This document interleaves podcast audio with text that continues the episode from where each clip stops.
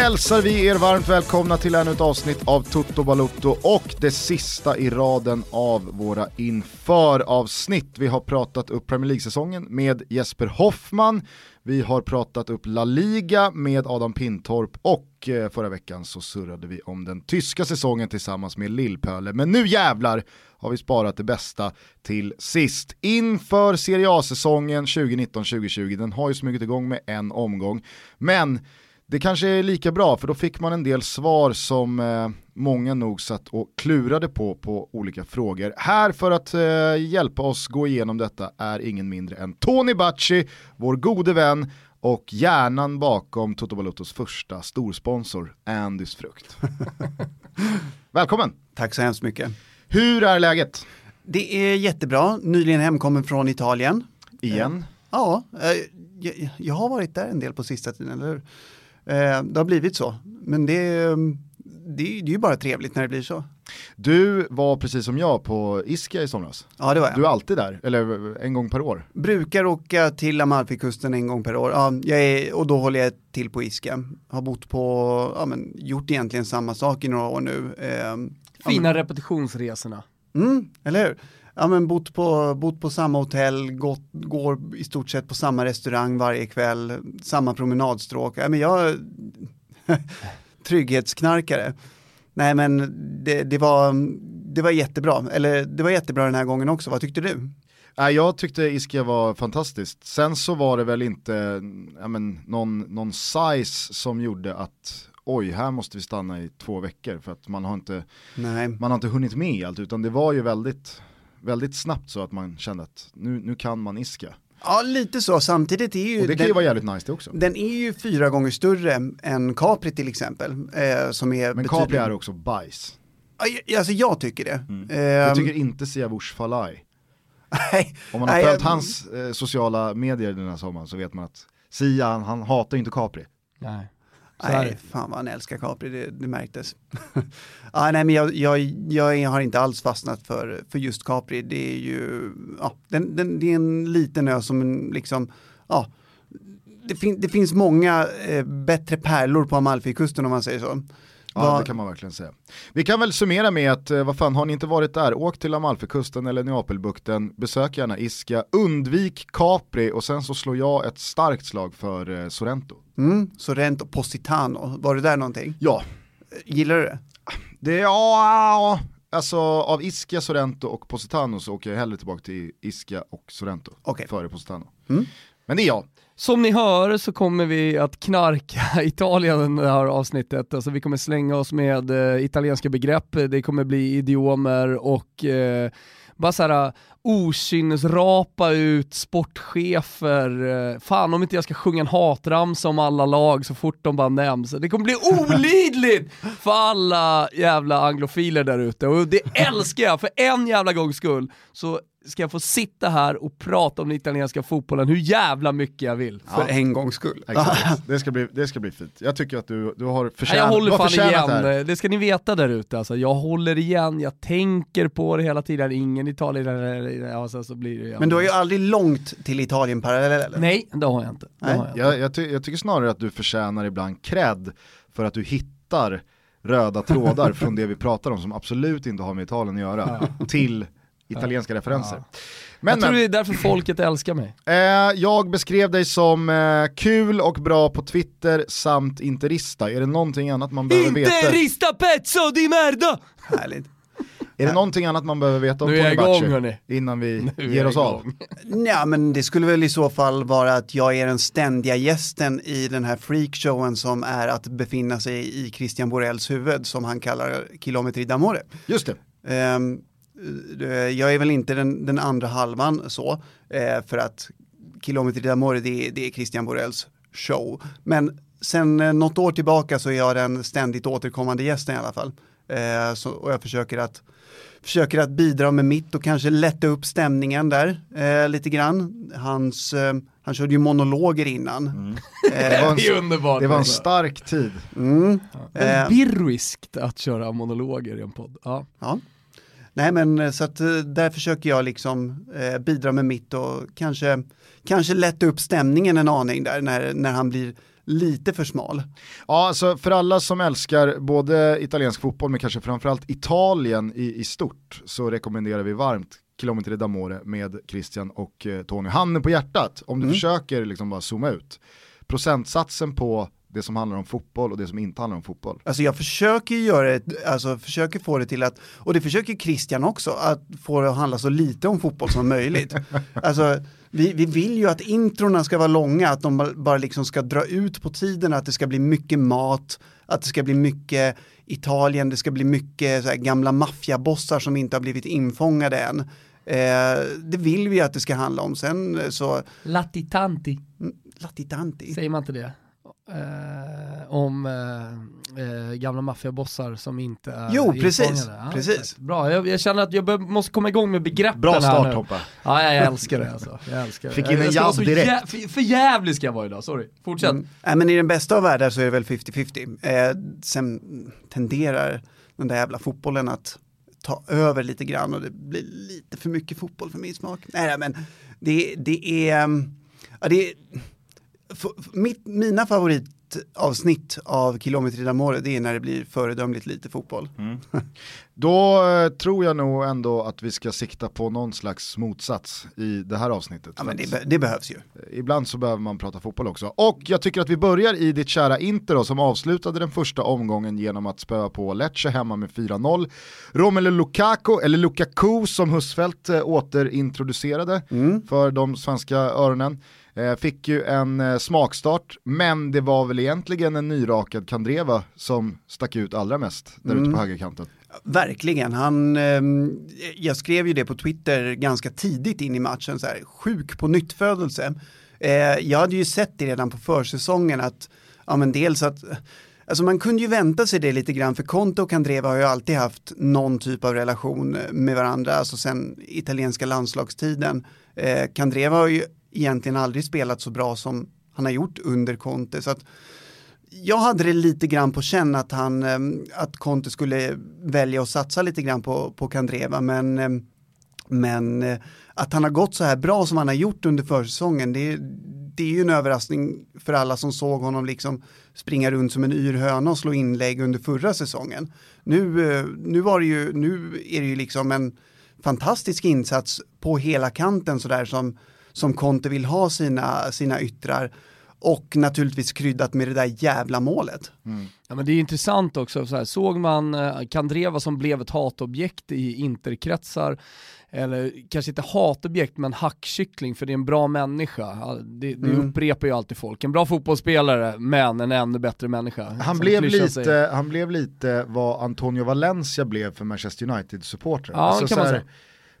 Ja, men, Det går inte att ogilla honom, Ja, men och så framförallt men så- för länge är det för dåligt. Ja, det är för många inlägg som inte hittar rätt adress. Ja men det var ju det som var första- grejen, fastna på första, inlägg som inte hittar rätt adress och det jag tyckte det var ju hela paletten som Kandreva visade upp. Eh, Om, om man bara tar inläggsdelen som Mm. har varit det, det, mest irriterande med Kandreva under hela den- förra säsongen, eller de senaste åren. Ja, Så hade han snett inåt bakåtpass, han hade inlägg på bortre stolpen och framförallt så satte han ju allt på läppen. Mm. Och det är så jag minns Kandreva från Lazio-tiden, alltså Lazio-Kandreva slog ju inte bort en passning. Liksom. Eh, och det, nu kanske jag överdriver den lite, men jag tyckte att han var riktigt bra. Jag förstod att han kom in i landslaget, jag förstod att det fanns intresse från större klubbar. Eh, men, men den spelaren var ju tillbaka, men, men det, var, det är ju en på nyttfödelse rent eh, självförtroendemässigt som man inte har sett mm, liksom, på, på många år. Nej. På tal då om eh, på nyttfödelse, om vi flyttar fokus från individen Kandreva till då hela, hela Inter som klubb. Är det eh, att ta i när man säger att nu är Inter på riktigt en titelutmanare, Konto har kommit och det är verkligen en ny vind som blåser genom hela klubben. Jag tror inte att man är titelutmanare redan i år. Eh, däremot så skriver jag under på resten. Eh, det är en ny vind som blåser genom klubben. Man, man vann på det kinesiska lotteriet. Eh, man fick in rätt, ägar, rätt ägarfamilj i Suning eh, som eh, har gjort en klok satsning. Eh, alltså byggt klubben på det sättet man ska bygga klubbar. Eh, inte drivs eh, om man jämför då med Moratti-tiden och eh, allt som har alltså har hänt sen dess egentligen så eh, det har ju varit en klubb som har ju varit i ett eh, skriande behov av ett ekonomiskt stålbad, att man har liksom fått rensa i leden, det har man gjort. Eh, nu, börjar det, nu börjar det skörda frukt liksom och ägarfamiljen vill, vill göra en seriös satsning och eh, nej men man, man, man, gör väldigt mycket rätt just nu. Eh, ja, men, och, och, tar in rätt tränare. Det, ni pratade för några avsnitt i något sammanhang om den här grejen med att eh, ta in en ny eh, tränare trots att det här skriande behovet kanske inte finns, eh, kommer jag ihåg. Och det är ju precis vad jag inte gjort nu. Alltså, man vill inte så här supermissnöjda med det Spalletti eh, presterade, men det fanns chans att ta in Conte och då tog man den och var lite så här kinesiskt osentimentala.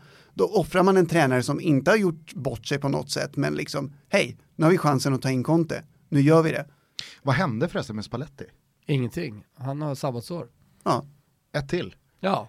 Han börjar närma sig eh, to toppen av eh, sabbatsårligan. Ja, nej men framförallt med det, det man känner med Spalletti efter Udinese-tiden när han var där och man började prata om honom som en stor tränare som skulle ta storklubbar och vinna titlar är ju att, eh, nej, kanske, han, han, han har nog inte det. Alltså han, han börjar bli lite som Ranieri var en gång i tiden, mm. så, så här, eviga tvåan. Gör det bra men når inte hela vägen fram. Och Conte är precis tvärtom. Alltså ta in Conte så vinner du. Mm. Och det är därför jag också skulle vilja säga att inte faktiskt är en scudetto-utmanare i mina ögon. Självklart så är de inte favoriter, Juventus är stora favoriter, de har en bättre trupp, de har mer spets, allt det där, de har kommit längre liksom, i sin satsning. Men liksom, klickar allting här nu med konto, man får vara skadefria på nyckelpositioner och så vidare, då, då tror jag ändå att, eh, att Inter är en, eh, är en scudetto-kandidat och det kan vi återkomma till sen med Juventus, men det hand, jag tycker det handlar väldigt mycket om tränare i det här fallet också. Jag ser Conte som en betydligt vassare tränare än vad, än vad Sarri är, med all respekt för honom. Men jag tycker det är intressant det du nämner där om Sunning, för att jag reagerade på det när Inter gör något av målen i måndags. Det kan vara efter Lukakos mål, då tror jag att hela arenan ställer sig upp och jublar och det är tjo och och det är 3-0 och nu är vinsten klar och mm. vi har fått igång nyförvärven och allt ser bra ut.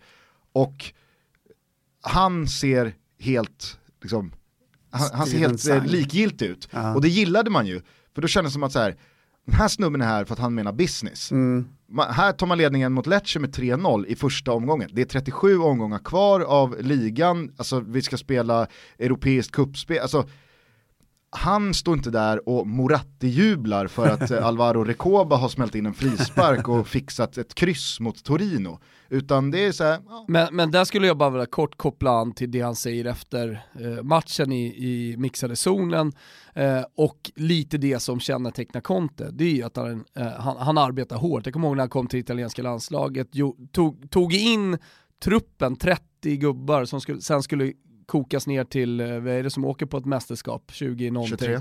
23, nej de var väl 40 gubbar från början. De hade en landslagssamling eh, som var två, tre veckor längre tror jag än Sveriges landslagssamling och det var konkurrens om positionerna.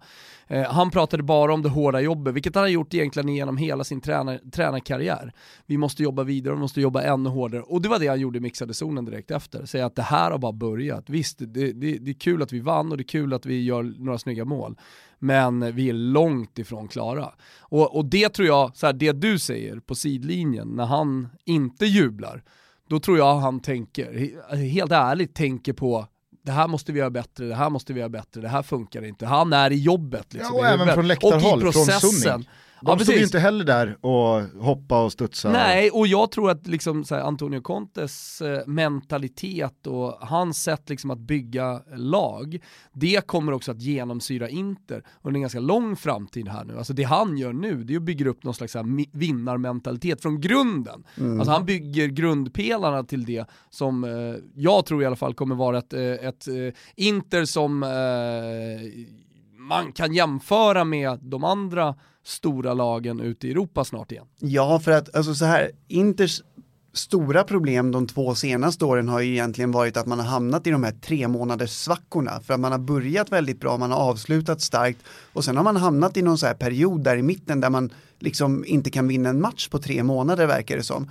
Och jag tror att Conte, alltså det finns inga garantier i dagens fotboll, men det är liksom, han är väl så nära en garanti man kan komma på att han krämar ut det mesta ur varje spelare och minimerar risken för en ny sån där svacka. Mm. Så, att, så att det, det, tror jag liksom, därför tror jag att Conte är Inters klart främsta värvning den här säsongen och, och då är det ganska hård konkurrens ändå för att man, man har ju gjort en, ett par stjärnvärvningar den här, inför den här säsongen.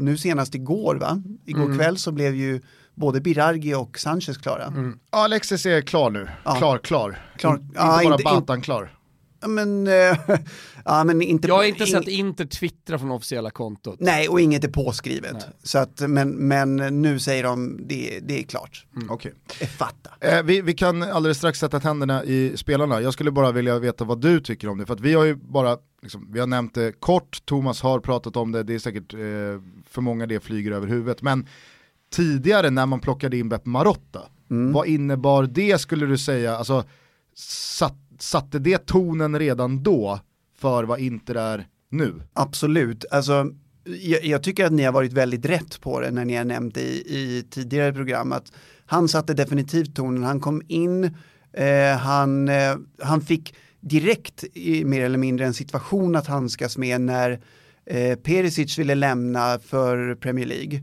eh, var det den gången. Mm, det var United framförallt tror jag det pratades om, men Chelsea också kanske. Ja, eller om det var Arsenal den gången, skitsamma, eh, inte viktigt, men han ville i alla fall bråka sig ut och eh, då, då sa Marotta, han satte ner foten på ett sätt som inte har gjorts tidigare i Interled i alla fall och sa nej men får vi rätt bud så säljer vi men vi tänker inte liksom eh, rea ut det bara för att du bråkar det slutade med att Perisic fick krypa tillbaka med svansen mellan benen till truppen och, och ja, men efter det så har han ju haft en del situationer att handskas med. Det har ju varit eh, Icardi.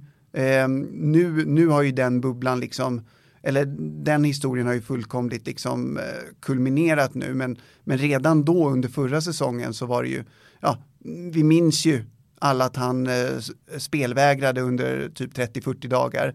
Eh, och där... Jag minns hans filosofiska Instagram-inlägg. Ja men just det. Eh, det. det. är bättre att vara tyst och vad fan det nu var. Ja, den, den... Eh, alltså som poet och författare så har ju Icardi en hel del kvar. Ja men vad var det han skrev? Ibland är det bättre att vara tyst och framstå som en idiot än att öppna munnen och eh, eh, skingra allt tvivel. Mm. du säger ju Icardi att du är en idiot nu, du fattar det bara inte själv. Ja, känslan är att det inte finns några filter från hans hjärna till att liksom Instagram-inlägg eh, eh ja, basuneras ut. Mm. Eh, det, det, är, det är nästan så att man skulle kunna prata om Mauri Cardi-gate i ett helt program. Men, men, eh, ja, ja men du säger att det har kulminerat, det har ju ännu inte fått något slut. För mig är det fortfarande väldigt många riktningar den här soppan fortfarande kan ta. Ja, gud ja. Med bara några dagar kvar av fönstret, vad ser du hända? Ja men alltså, vem fan vet? Alltså det är liksom, man skulle behöva Saida för att veta. Alltså det, det, kan bli Napoli, det kan bli Juventus, det kan bli frysboxen i Inter. Eh, ja, nu, nu... Kan det bli speltid och liksom att han kommer tillbaka in i värmen eller är den dörren helt stängd? Alltså jag tror ändå det. Jag tror ändå det, att den det är skulle det. jag också verkligen vilja säga, inte minst efter att ha hört eh, Beppe Marottas ord, eh, också då återigen efter inte matchen Alltså, nu har ju Marotta gått ett krig mot Juventus mer eller mindre, hans gamla klubb. Alltså det har ju varit eh, ruskig alltså, så här, tuppfäktning mellan Paratici och, och, och Marotta under hela sommaren. Mm. Alltså det, det har ryktats om att, att eh, Inter mer eller mindre har låst Dybala kvar i Juventus, alltså att ja. Marotta liksom har på något sätt haft kontroll över den här situationen hela tiden också, att Juventus har varit irriterade. Men jag tycker att det är en sak här som, som eh, eh var, ja men på något sätt eh, kanske signifikativ för liksom den här säsongen, det nya Inter med Conte, eh, Beppe Marotta, liksom hans eh, lilla krig mot Paratici när Interpubliken bara efter några minuter kör eh, Kinon Salta Bianconero, den som inte hoppar i svartvit, vilket de normalt sett brukar göra mot Milan, det här skrev Tancredi Palmeri bland annat på Twitter, men, men liksom att, att hatramsan går mot eh, Juventus, det, det, betyder liksom att eh, kriget här nu, det är mot Juve. Mm. Alltså vi går, vi går för scudetton. Vi skiter i Milan som har halkat efter lite grann. Eh, och när Marotta sen också ställer sig i, i, i mixade zonen och pratar om Icardi och Wandanara. Hoppade han på läktaren? Nej jag såg honom inte hoppa, jag har aldrig sett Marotta hoppa. Då skulle liksom ögonen flyga upp i hjärnan. Eh, de där ögonen behöver lugn och ro. Ja, de behöver lugn och ro. Nej men det jag skulle säga, när, när han står i mixade zonen och pratar om hela situationen så är han jättetydlig med att eh, det är Inter som bestämmer hur det här kommer sluta. Mm. Det är mm. ingen agent, det är ingen spelare. För då hade Wandanara innan gått ut och sagt att jag pratar med Sunning och eh, vi, vi, vill stanna i Inter. Ja, för han, hon, ja. hon har ju en, en det, det, är så roligt för alla som inte vet det, så har ju hon en stående roll i eh, TikTaka som är ett, ett program. Så hon sitter alltså varje söndag och pratar fotboll med bland annat då Casano som är en ständigt återkommande gäst och han lägger ju liksom inget bomull emellan när han, när han, eh, ja, men när han pratar. Så att, så att det blir ju i stort sett bråk där varje, varje vecka och Wanda är ju såklart i händelsernas centrum. Och, och nu i söndags, precis som du säger, då hade hon ju sagt att, hon hade inte sagt det så rakt ut, men hon hade sagt att ja, men, kanske är det så att, eh, att Mauro har blivit ombedd att stanna. Och kanske är det från någon som är högt uppsatt i klubben. Liksom, och Marotta då i, på, i den här mixade zonen efter matchen, äh, liksom nämner ju Jang, eller vad han heter, ja. presidenten i, i Sunning, nämner ju honom vid namn. Så, så att han liksom tar, tar ju upp den äh, och, och, och svarar på den och menar ju på att, liksom att nej nej, nej här, här, det, det, det har inte hänt någonting, det är vi som bestämmer den här situationen. Så vart ser du det här ta vägen då? Nej, alltså det, det, är som, det är precis som Bacci säger såklart. Alltså, jag ser det på exakt samma sätt. Alltså, så som det rapporteras ifrån i Italien. Det, det vill säga att man vet inte. Det kan bli... Fast kan bli tror ni att det är favorit det, på att han lämnar innan igår fönstret kom det, Igår kom det uppgifter, jag kommer inte ihåg vem det var som skrev, men det kom uppgifter från någon trovärdig eh, journalist där nere eh, om att det någonting har hänt med Juventus, alltså så här, eh, mellan Inter och Juventus, att det kanske har öppnats upp lite däremellan. Ja, så att vi får se. Paratici och Marotta pratar igen mm. eh, tydligen och bara det är ju ett, ett steg framåt för de har ju inte de har inte pratat med varandra tidigare, de gamla bästa vännerna. Men, men alltså så här, det, det jag inte har förstått under hela den här tiden, det verkar ju vara så här, Juventus verkar vilja bli av med Dybala. Inter, ja, alltså det vill de. Ja, Inter verkar vilja bli av med Icardi, det vill de. Mm. Eh, varför, alltså varför inte göra det där jävla bytet rakt av? Alltså vem, vem förlorar på det? Mm. Alltså, det är två fantastiska spelare, absolut. Och sen så kanske, det kanske är rädslan som tar över där. Tänk om han blir bättre än han. Då, är det, ja, men, mm. då, då, undviker man ett sånt scenario om man väljer eh, att sälja till en annan klubb. Samtidigt så är det ju knappast som att byta Cannavaro mot Fabian Carini, eh, för den som kommer ihåg den referensen. Eh, alltså, Cannavaro spelade i Inter, hade väl inte gjort någon så här dundersuccé.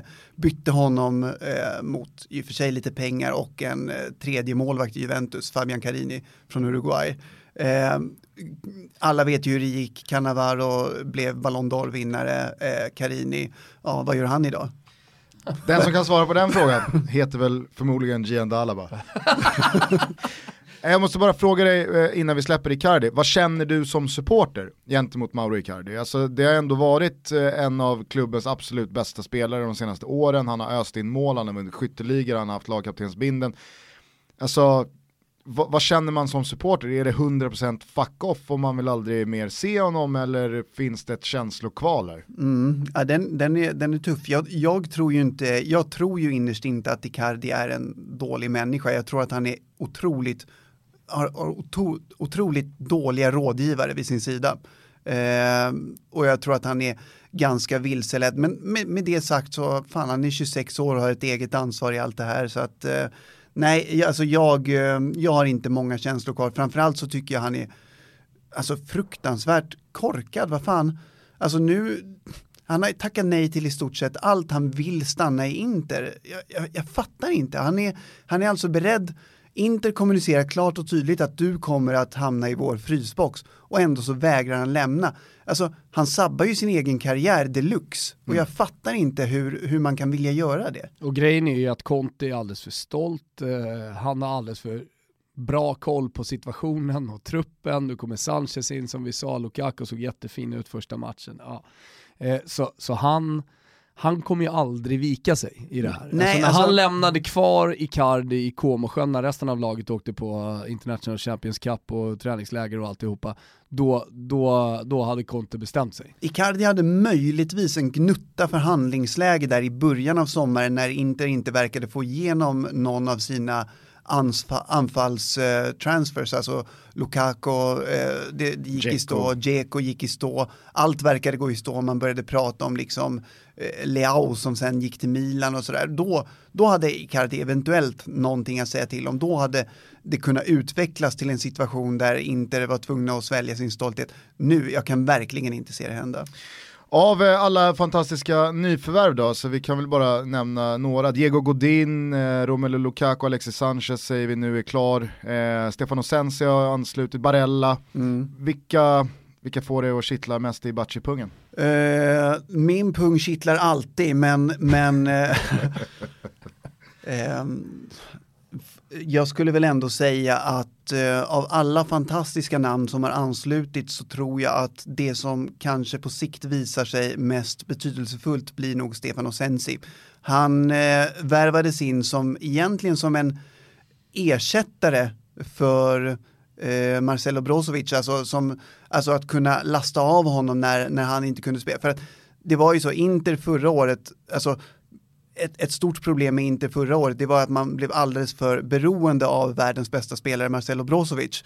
Eh, som, ja men de matcherna när han var ur slag eller när motståndarna var vettiga nog att plocka bort honom eller när han var avstängd, då blev Inter otroligt begränsade i sin speluppbyggnad. Sensi värvades in för att liksom, ja, men kunna, kunna stötta honom, alltså som en inhoppare, som en, som en substitut. Istället så visade det sig på försäsongen att de här två, de hittar varandra väldigt bra. Och då, nu blev det så här, ja men alternativa speluppbyggnader som, som en synergieffekt som kanske ingen hade räknat med. Det tror jag kommer visa sig oerhört viktigt. Det är ingen Anders eller Kim situation vi har här. Nej, alltså det, det skulle ju ha blivit det. Eh, där Sensi då skulle ha varit eh, nummer två bakom Brozovic. Men istället så, så verkar de alternera varandra perfekt på planen och det är väl kanske det som har gjort att inte de här sista dagarna inte har gått all in på en mittfältare till som det talades om. Man talade som att eh, Vidal var på väg in, att man, att man var väldigt eh, sugna på honom. Men det har lugnat sig, jag tror att det har väldigt Ännu mycket mer att göra lugnt med det. efter premiären också. Jo, såklart. Jävla superreferens, Anders eller Kim. Alltså alla fattar Ja. vad man menar. Ja. Jag skulle bara säga det, delar ni min känsla kring Brozovic att eh, han har sämst klädstil i Serie A? Det är väl eh, Milinkovic Savic, eh, men efter honom kanske. Alltså, Ja, juggarna ligger i topp. eh, finns det något annat av nyförvärven du vill prata lite Nej extra men jag, jag tycker att situationen med Barella är intressant, han fick hoppa in i den här matchen, jag tyckte han gjorde ett jättepickt inhopp. Eh, han eh, vann ett rött kort, höll jag på att säga, men, Ja. men det var hans löpning, hans eh, aktion som ledde fram till att Det blev rött kort på en Lecce-spelare som jag glömde bort vem det var. Men, eh, eh, och, och jag tror att så här, på sikt, eh, jag vet inte hur lång tid det kommer ta, om det kommer ta en match eller två matcher, men då, då får nog Vesino eh, stå, stå, eh, stå till sidan. Ja, det tror jag också. Och eh, mittfältet kommer formeras av Stefano Sensi, Brozovic och, och Barella. För ju, eh, det jag såg av honom förra året i, i Cagliari är fullständigt, eh, ja men det är helt otroligt. Alltså han, ja, landslaget. Ja precis, Eh, alltså, i, Cagliari, i Cagliari så lyfter han ett helt lag, så ung som han ändå är. Mm. Hans första riktiga seniorår, det, det, det är ba- bara det är otroligt. Han blir ledaren på planen, han visar att han har en karaktär också. Eh, han visar att han kan stå upp i de stora matcherna och sen så tar ju Mancini in honom i landslaget. Och Mancini har ju visat sig ha, ha haft ett öga för liksom, de unga talangerna som man, den breda publiken inte haft, ö, ö, ö, ö, haft koll på tidigare. De har, de har Mancini tagit in och sen så har det visat sig lite senare att det här var ju supertalang ju. Barella är en, Tonali en annan i Brescia som också Mm. gör en jävligt bra premiär på Sardinien mot just Cagliari. Men, Kanske dock inte han från Tyskland, vad heter han? Som Ja. Schifo eller vad fan.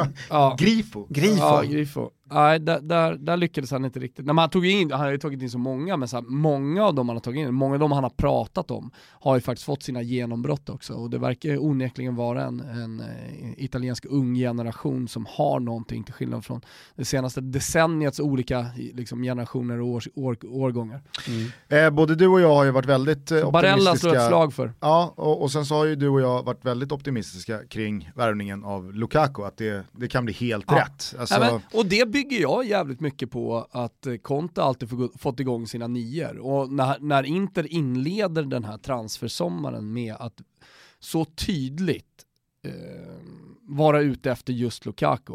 Och att det är liksom, är det en spelare Conte vill ha, ja men då är det Lukaku. Ja, då därför. på något sätt så här, då, då, bli, då, måste det bli en garanti för mig, för man måste gå tillbaka historiskt och kolla hur andra nior har funkat och hur Conte liksom har, har lyckats med sina värvningar när han verkligen har fått gått in och, och, mm. och markera och bestämma. Och sen så kan jag tycka att parallellt så har ju Lukaku i det belgiska landslaget de senaste åren hela tiden visat vilken otrolig exakt, anfallare han exakt. är. Mm. Och Belgiens landslag spelar ju mer av en Antonio Conte-fotboll än vad Manchester United har gjort de senaste två säsongerna. Vilket gör att man har ju hela tiden en gång eller två gånger var tredje månad sett Lukaku vara precis så bra som han är. Ja. Sen så det här snacket om att han är eh, överviktig och urslag, eh, jag tycker att han redan, visst han kanske inte är i toppslag fysiskt, men han visade ju under den här matchen direkt att herregud vilken vilken kraft ja, han besitter. Han har, en, han har en acceleration ja. och en tempoväxling när han går runt på högerkanten och slår in den mot Lautaro Martinez som inte når den. Men alltså, Ja, men jag måste bara säga där, alltså, tempoväxlingen alltså. och, och alltihopa är, är, är ju lite lustig i och med att han har fått utstå liksom vikthån och speciellt då från Premier League-tiden att han är tung. Och, och men han är ju tung. Han, han, ja, han väger 104 kilo så han, jag menar det är han, men explosiv i alla fall. Men det, jag skulle bara lyfta upp samarbetet med Lautaro Martinez för mm. i, i Manchester United så har han spelat väldigt mycket ensam nia. Här får han spela tillsammans med en annan och de två tycker jag kompletterade varandra i den första matchen, någonting som Conte pratade om också. Alltså det, det här samarbetet mellan de två, det, det, har vi knappt hunnit jobba med. Det har, det har tagit några veckor här, liksom. ett par mm. veckor och han har kommit in. Det, det ska bli mycket bättre, men man såg li, redan här eh, en Lukaku som var altruist, som i lägen han kunde skjuta ändå hittade passningen till Lautaro Martinez. Alltså de alltså kompletterade varandra i löpningar, i straffområde och så vidare. Och så vidare. Saknar mm. truppen någonting enligt dig? Um, alltså jag, jag är ju lite, jag ska inte säga bekymrad, men, men jag sätter i alla fall ett litet frågetecken kring hur eh, den här tänkta eh, trebackslinjen kommer att fungera tillsammans. Den som, det har, den som på förhand har hyllats så otroligt mycket. Jag, jag, jag, tror väl också till slut att Conte löser det eh, på något sätt. I, I, värsta fall så plockar han ju helt sonika bort någon och plockar in D'Ambrosio. D'Ambrosio höll jag på att säga nu, fan vad skönt. Han har satt sina spår, Claes.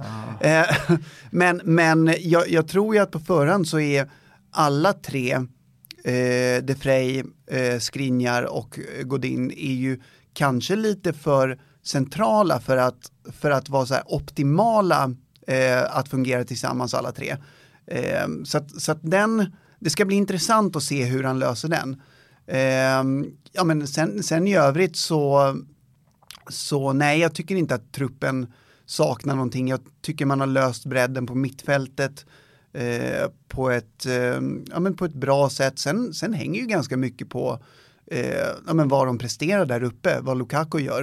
Eh, för att jag menar, vad, vad, han än gör, jag menar han kommer ju inte, han kommer inte ge Inter en dimension de tidigare har, har saknat för att de har ju alltid haft, de har ju alltid haft den där 20 målsgarantin i Cardi så att han kommer ju inte Alltså om Lukaku gör succé, då har den egentligen bara gjort någonting som inte redan har mm. haft alla år. Vi är denna vecka sponsrade av Klarna och Thomas, eh, jag tycker det är väldigt roligt av Klarna att eh, ge sig in i VAR-debatten. De har ju fattat att det går att belysa allt bra de gör mm. genom att peka på VARs brister och där är ju du och jag först i ledet att eh, haka på Klarna. Ja, verkligen. Alltså, VARs brister de är ju uppenbara. Däremot så kliver ju Klarna in här med ett väldigt tydligt budskap som man gillar. Eh, de, de, de pratar ju om, alltså de pratar man inte om, de gör, betala senare. Alltså man betalar först när man vet att sin leverans är okej. Okay och sen så att varan har kommit fram, att det är rätt vara, att det inte är något fel på varan.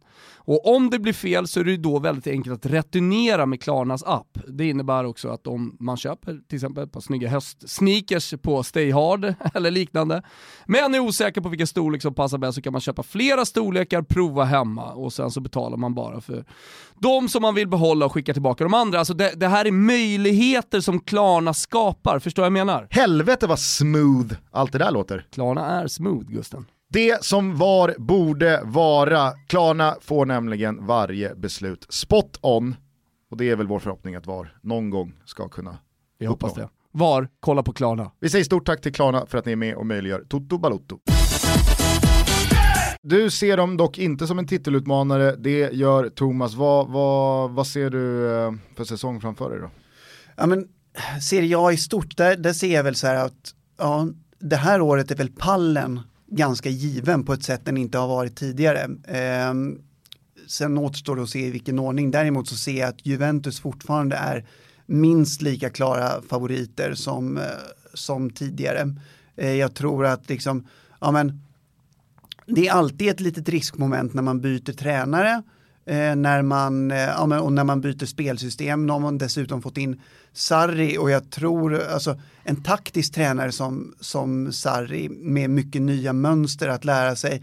Det, det gör ju att Juventus spel kommer, det, det, är ingen chock om Juventus spel kommer halta lite grann under hösten. Det, det tror jag inte. Men och, och, i vanliga fall skulle det kunna vara ett hot mot, mot en eventuell eh, nionde scudetto. Men i just den här årgångens Juventus så finns ju en viss Cristiano Ronaldo som är ja, men en garanti på att liksom målen kommer att komma även när, i, i situationer där, där spelet haltar. Och på lång sikt så tror jag att Sarri kommer att ta Juventus till nästa nivå. Och under den tiden Juventus inte befinner sig på nästa nivå, ja då är Cristiano ensam tyvärr en garant för att, för att man inte kommer att tappa poäng. Smögsinnet, tyvärr där. Ja, det, ja vi alla. så är det. Nej men jag, jag kan tycka att det är lite, lite märklig ska man säga, ambians kring Juventus i och med att de dels inte har gjort någonting på transfermarknaden senaste sex veckorna typ. Utan de satte sina spelare relativt tidigt. Delikt kom i juli, Rabiot kom i juli och så vidare. Ramsey. Ramsey var klar redan i, i våras och så vidare. Så det, det, har funnits ett stråk av att Inter och Napoli och andra klubbar har agerat nu i augusti som har gjort att man känner lite så här, fan vad ska, Juventus, eh, vad ska, vad ska de göra? Fast de redan har allting på plats och Sarri var på plats mycket tidigare än vad han kom jo, till, till, Chelsea och så vidare. För att krydda det du säger så har man ju dessutom då haft en situation där Higuain eh, har kommit tillbaka och där eh, publikfavoriten Dybala har varit på väg bort. Mm. Eh, och så, så att då, då har ju, istället för att man som i andra klubbar, som i Inters fall då när Lukaku kommer och Sanchez kommer och, och andra spelare, eh, där, där det blir väldigt så här, ja, men positivt, optimistiskt bland supporterna så har det snarare då varit lite skepsis. Hur tänker vi här? Ska vi göra oss av med, med, med honom? Och därför har de senaste veckorna liksom präglats av det i, i Juventus, lägret så att säga men på Piazzan fin, i Turin. Finns det, finns det någon anledning till att, jag vet inte, tro att det här Juventus går in i säsongen sämre än vad man var i fjol? Nej men alltså anledningen är ju i så fall tränarbytet, för att det är alltid väldigt eh, eh, ja, men ovisst tycker jag när man byter tränare. Det var det när Antonio Conte lämnade och Max Allegri tog över. Max Allegri tog över dessutom då efter någon säsong med Milan som inte hade varit speciellt uppåt. Det kändes väl inte riktigt som en så här, men ska, ja, men ska Max Allegri ta Juventus till nästa nivå? Jag tycker att man känner lite samma sak nu med Sarri, eller jag gör det personligen. Så här, ska, är Sarri en vinnare? Är han en tränare, som Tony säger, som, som eh, inte bara spelmässigt men även resultatmässigt kan ta Juventus till nästa nivå, då pratar jag såklart om Champions League eh, i de stora matcherna.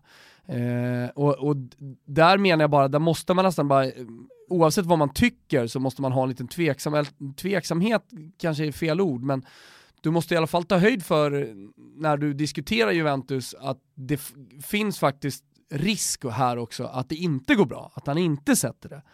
Eh, för det är en ny miljö för, för Sarri, han har aldrig varit i den här uh, extrema vinnarmiljön tidigare. Det skulle mycket väl kunna vara så att det lyfter honom också till, till nästa nivå, att det gör honom till den här vinnaren. Men eh, en liten brasklapp i alla fall för, för att det, det, det också inte är en perfect match att Sarri kommer till Juventus. Eh, och därför vill jag ändå hålla eh, både Napoli och, och, och, Inter som, som titelutmanare. Eh, jag, jag, vill se det här först, eh, framförallt. Så mm. En, en eh, chockad Delict satt på bänken i, i premiären.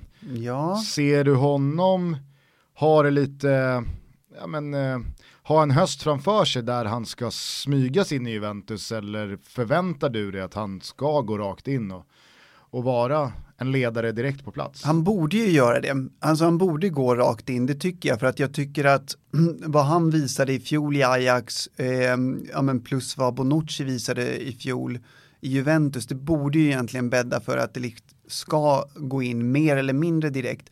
Däremot så tycker jag inte han har imponerat speciellt mycket de matcherna jag sett honom på försäsongen. Så att med, med det i åtanke så var det väl kanske ingen chock för mig att han började på bänken just den här matchen. Men, men jag tror att om, för Juventus bästa så bör han eh, gå in i den här startelvan så fort som möjligt. Håller ni båda Juventus, på Tony låter det som det, men du, håller du fortfarande Juventus som favoriter? Ja, absolut. Jag vet att du har ju i din eh, långtidstrippel hos Betsson då att Juventus inte ska mm. vinna och att eh, Nej, men det är ju odds därefter en... såklart också att absolut. Juventus inte ska vinna. Nej men eh, alltså är, är, är det att du greppar efter halmstrån i vad som inte talar för ytterligare en ligatitel eller är det någon Nej, men, eh, om man kollar på jämn de, fördelning de, i hur du står på de olika fötterna? Ja, men så här. Kolla på de två främsta titelutmanarna den här säsongen. Alla liksom Leicester-scenarier åt sidan. Inter och Napoli. Vilka tränare sitter på, på tränarbänkarna där? Det är Antonio Conte och det är Carlo Ancelotti.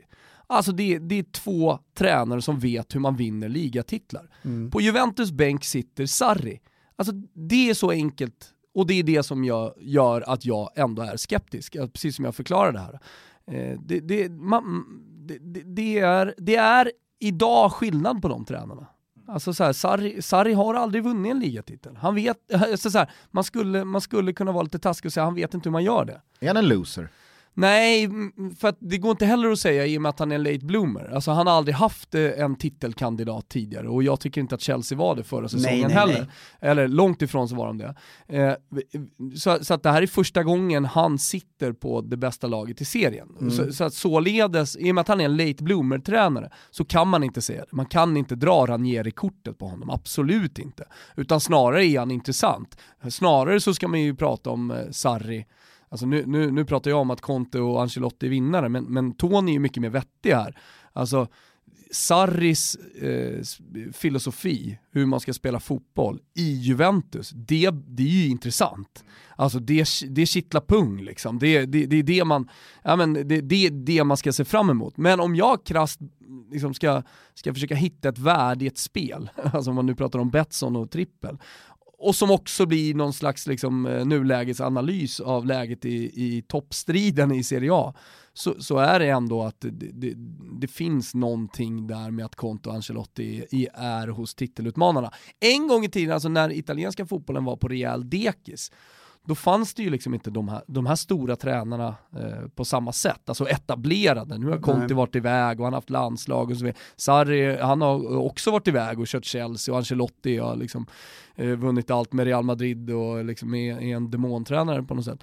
Alltså han, han var inte i Italien un, un, under den tiden, men nu är de tillbaka och sen så satsas det mer i klubbarna också. Så. Eh, jag är bara nyfiken, eh, Sarri har ju också både i Empolo, Empoli och Napoli och Chelsea fått vissa spelare att flyga och så har vissa spelare som har gått bra under andra tränare tidigare säsonger då haft det lite mer motigt. Vem ser ni i Juventus snäppa upp det en nivå och vem, vem har en lite jobbigare säsong framför sig? Alltså, Som inte passar som handen i handsken i, i Sarris fotboll. Alltså det är ju så paradoxalt för att i, i normala fall så skulle jag, alltså hade jag, hade jag inte vetat om eh, situationen som var nu, då skulle jag säga att Dybala skulle kunna ta det här, eh, det här mm. sista steget och bli den här odiskutabla världsspelaren under en Maurizio Sarri. Eh, så att egentligen så, fan, alltså det, det, det borde teoretiskt sett vara en match made in heaven. Jag tycker även att man har kunnat läsa mellan raderna eh, när Sarri har pratat under försäsongen att eh, det här med Dybala det är egentligen ett, eh, ja, men ett, ett beslut över hans huvud. Eh, att om han hade fått som han ville så hade han spelat Dybala och, och gjort någonting bra av honom. Ja. Och för att underbygga det Tony säger så har ju exakt den spelartypen funkat och flygit väldigt bra under just eh, Maurizio Sarri. Ta till exempel då Mertens i, i, i, i Napoli eh, som eh, blev ett alternativ, eller så här, han, han, blev en nödlösning eftersom eh, Milik var den enda nian och han skadade korsbandet. Då fick Mertens kliva in som falsk nia, fast han blev ju nia. Mm. Eh, han var egentligen inte falsk nia, det var ju bara, man sa ju det bara för att han var kort och teknisk liksom. men, men eh, i positionen så var han ju fan längst fram hela tiden. Nej men, eh, och, och Dybala tycker jag i alla fall är ett snäpp upp som nia, en, en, alltså från Mertens. Ja. Nu har han ju ryktats eh, en hel del out, men tror ni som jag att Mandzukic kan få det lite jobbigt att behålla sin position som någon slags kultspelare som ändå har levererat på en jävla hög nivå under Allegri? Ja, jag ser inte riktigt. Jag ser inte honom passa in i, i, i Sarris sätt att spela fotboll. Nej, jag vet inte riktigt heller var han skulle få, få plats. Men jag menar, Mandzukic har ju, han har ju överraskat tidigare. Jag menar, under Allegri så genomgick han ju någon slags metamorfos och blev den här, ja men från, från egentligen en renodlad nia till någon slags, eh, eh, ja men kantspringare, försvarsspelare. Mm. Eh, lite, lite ja, som... krigare på vänsterkanten. Ja, ja exakt. Eh, ble, genomgick ju den förvandlingen, blev ju en, ja, precis som du säger, en kultspelare. Han blev lite Ola Lindgren i Bengans gamla landslag, han spelade mm. bara försvar. Ja, nej men... Eh, apropå sköna referenser.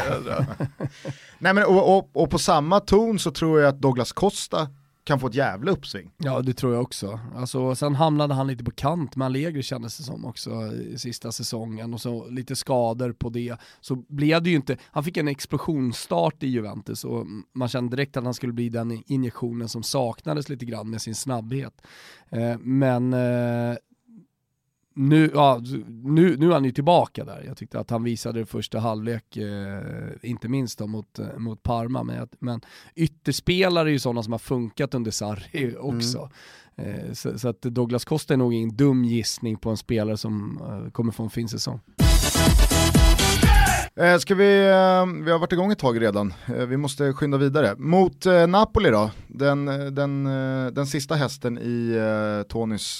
Får jag bara säga en sak om Juventus? Alltså, ja. Det är många spelare på väg ut här nu, så när vi, när vi sitter och spelar så till exempel Mandzukic, Mandzukic kanske inte är kvar när fönstret stänger. Eh, samtidigt som alltså, det, det alla går och väntar på där, alltså, vill bara understryka det, det är ju vad som händer med Dybala. Blir han kvar, då kan det ju mycket väl bli så som, som Tony säger att, eh, att eh, han är den spelaren som får liksom det, ja men han har ju fått sitt genombrott men verkligen, verkligen det där sista. Eh, och, se, och sen ska det också sägas att jag tycker att Juventus har fått en liten nytändning med scudetton i och med att Conte har kommit tillbaka, i och med att Inter har börjat satsa, Derby d'Italia, allt det där. Så känns det som att så här, supportrarna, ja, hela piazzan egentligen, eh, jag tror även ledningen och spelarna som har varit där och vunnit, Bonucci, Chiellini som har vunnit alla de här scudetto, scudetti, eh, på något sätt ja, men känner Eh, känner en nytändning. Jag tror att de där bara hade liksom flytit vidare med Max Allegri, ingen Conte i Inter, ingen storsatsning fan om de hade känt sig så motiverade att åka och spela mot Parma borta och sådär. Och då, det tror jag är farligt också, alltså så för Juventus del, om, om inte den konkurrenssituationen uppstår i ligan. Det blir lite som i Bayern München. Eh, att, alltså, att man i slutändan ändå lider av det. Man, man tycker jo, att spelarna får, li, li, eh, får, får ledigt, på säga, men de får, kan roteras i ligan, man vinner den redan i, i januari, så kan de vilas i form. Men, men eh, för att använda Bayern München-exemplet liksom vidare, i och med att jag gillar tyska referenser, eh, så, så, så har ju det snarare legat dem i, fart, eh, i fatet, att det, är så här, det finns ingen riktig sparring i, i den tyska ligan, så de är inte redo för de stora matcherna, för de får dem inte riktigt i ligan. Eller PSG. Ja, ja PSG. Ja men du har ju sällan långt till en Tysklandsreferens. Ja, nej, nej, den finns alltid där ja, någonstans. Alltid. Eh, ja, man vet inte var det kommer ifrån. Att, du, att du alltid hittar den också, det är, ja. det är så sjukt. Ja, men jag, jag, jag, jag tycker att den faktorn gör allting så mycket roligare också. Mm. Nej, men det låter ju som en klyscha, men klyschor är klyschor av en anledning ja. för att det ligger väldigt eh, högt mått av sanning och jag tror precis som du, man behöver inhemsk konkurrens mm. för att kunna vässa sig och ja, vem vet, det kanske, det kanske tar en sån vändning så att Dybala får sitt definitiva genombrott på den internationella scenen i vår, mm. i när Champions League ska avgöras. Mm. Och, och jag, det, det, ska jag också säga, för att jag, jag, jag vet att jag sa att Juventus inte har råd att ha kvar Dybala, alltså så att de behöver cash. Det var ju Il Sole 24 Ore, heter den så, finanstidningen i, i, i Italien, eh, en journalist där som hade eh, då gått på djupet i Juventus ekonomi och menade på att man behövde en viss summa pengar, man behövde lösgöra, eh, eller man, be, man behövde göra löneberget mindre? För att liksom hantera financial fair play och, och alltihopa och därför då så var Dybala en måste-försäljning. Mm. Sen så har ju Nedved och Juventus-ledningen och jag vet att många supportrar skrivit också så här på sociala medier, liksom gått ut och verkligen så tydligt varit emot att det faktiskt är som den här journalisten säger. Ja. Får jag bara fråga då, om det skulle bli så att Dybala blir kvar, ja. var lämnar det då Iguain? Ja det är frågan. Eh, för att det har ju hela tiden varit, alltså en av dem behöver ju rent, alltså rent så, en behöver försvinna för att det ska vara liksom balans och lycka i truppen. Mm. Eh, så att, och lite ekonomiskt kan man säga också, det är inte så att eh, Iguain heller är gratis. Nej, eh, nu i premiären så spelade ju Iguain eh, och Dybala var på bänken hela matchen så att, ja, nej, vem fan vet. Vi får helt enkelt avvakta det där. Jag tror att det kommer hända mycket. Eh, vi tar oss till eh, Neapel då, där eh, det inte har hänt eh, sådär oerhört mycket vad gäller eh, profilstarka värvningar i offensiv riktning. Man har switchat Raúl Albiol mot eh, Romas Kostas Manolas. Eh, det är väl det ja, mest eh, profilerade nyförvärvet som skett. Annars är det Ancelotti som är kvar och eh, ja, samma trojka där framme som ska göra det. Vart har du Napoli någonstans? Jag ska bara säga det, jag har, förlåt, men jag har, jag har alltså bitit mig i tungan för jag inser att alla de hatramser som jag sa att jag skulle sjunga om alla lag, de, de är så jävla icke rumsrena och jag inser att många skulle bli förbannade om jag sjöng dem, så därför är jag numera tyst kring Vadå, ska, ska det vara rumsrent här? Nej, det kanske inte ska vara. Eller så men... kanske du ska damma av en ramsa. Lava så... licol fuoco, oh, Nej. Nej men så kan Kim bipa. ja, det blir bi, bi genom hela. E lunedì che umiliazione, andare in padrone, oh Juventino su di tutta quanta la famiglia Agnelli, e Juve med Ja, för att hur, hur är det med översättning? Jag, jag, jag kan italienska, ska du veta. Eh, Zucca i piselli della famiglia Agnelli, den, ja. är, den, är, den är stark, ja. magstark. Ja. Eh, nej men okej. Okay. Vad betyder det för alla som inte förstår? Jag suger Agnelli-kukarna. Mm. Familjen. Glasklart. Ja, glasklart. ja, nej men... Vad har du Napoli? det talas varje år om att Napoli inte gör någonting och att det aldrig händer någonting och den, eh, alltså kritiken främst kanske bland, bland de egna fansen mot Aurelio de Laurentis, eh, alltså den växer sig starkare och starkare och samtidigt är man där år efter år. Man förlorar inte så mycket heller. Det här året tycker jag så här, man har gjort det smart. Man, eh, alltså, man, man visste att, eh, alltså, att, att ta in Manolas, Eh, det, det, är ju liksom en skräddarsydd värvning som kommer, att, som kommer att gå rakt in och förstärka Napoli jättemycket. Eh, man kommer att, eh, alltså man kommer bli en, alltså man kommer bli en mur där bak tillsammans med Koulibaly. Eh, och eh, sen vet inte jag så mycket om eh, eh, han Lozano, som, alltså mexikanen, som har blivit Napolis dyraste värvning i historien.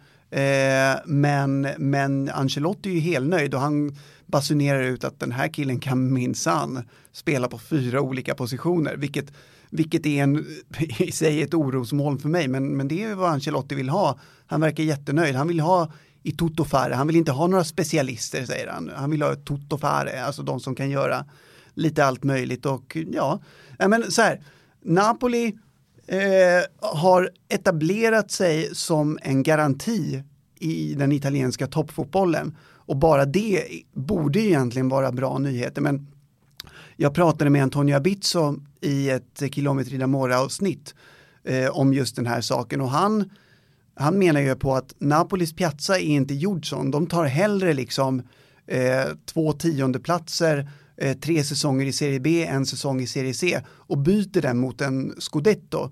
Eh, mot att, eh, snarare då än att vara ett lag som har en identitet att man etablerar sig i toppen men kanske samtidigt glider allt längre ifrån eh, ett Juventus eh, och är på väg att kanske bli omsprungna av ett, av ett Inter. För jag tror att det var vad som kommer att hända med Napoli på lång sikt. De kommer att fortsätta vara en, en en toppklubb i, i, Italien. Och, eh, men, men eh, däremot så tror jag att Inter satsar hårdare och jag tror att Juventus, så att på sikt så tror jag att Juventus och Inter kommer dra ifrån Napoli lite grann men att Napoli fortfarande kommer att vara eh, en etablerad toppklubb. Och den säsongen stjärnorna står rätt så kan det smälla till. Precis. Sen får man ju se upp så att man inte blir Tottenham så att säga. Eh, och att man blir den eviga trean, fyran. Nu kom de ju fyra förra säsongen eh, och det är vi väl medvetna om här i Toto Balotto. Eh, nej, men jag tycker ändå att de gör kanske den mest välkalibrerade transfersommaren. Alltså de, de hittar de uh, hålen uh, i, uh, i startelvan som man faktiskt har haft ett tag. Alltså Albiol i all ära, men han har inte varit en världs, världsback. Manolas, han, han kommer in och liksom täpper till det där hålet och att han dessutom ska kampera ihop med eh, Kappadoe, K2 i, i försvaret, det, det, det, för mig liksom bildar ju ett mittlås som mer eller mindre är ogenomträngligt för båda är väldigt följsamma dessutom eh, och säkra, säkra med fötterna tycker jag. Så att, eh, men sen så har man den där 4-3 premiären mot Fiorentina när, mm. när, när liksom det totala försvarsspelet ska sägas inte riktigt. Det var inte riktigt Fortnox, absolut inte. Men sen är det tidigt på säsongen, man ska inte, ja, jag, tycker, jag tycker snarare att man, man ska hantera Napoli i ett sånt här program utifrån hur det har sett ut på sommaren och utifrån liksom hur truppen ser ut snarare än den första matchen. För att Fiorentina var ganska bra i anfallet där också. Jag tror inte allting riktigt sitter i, i, i Napoli ännu.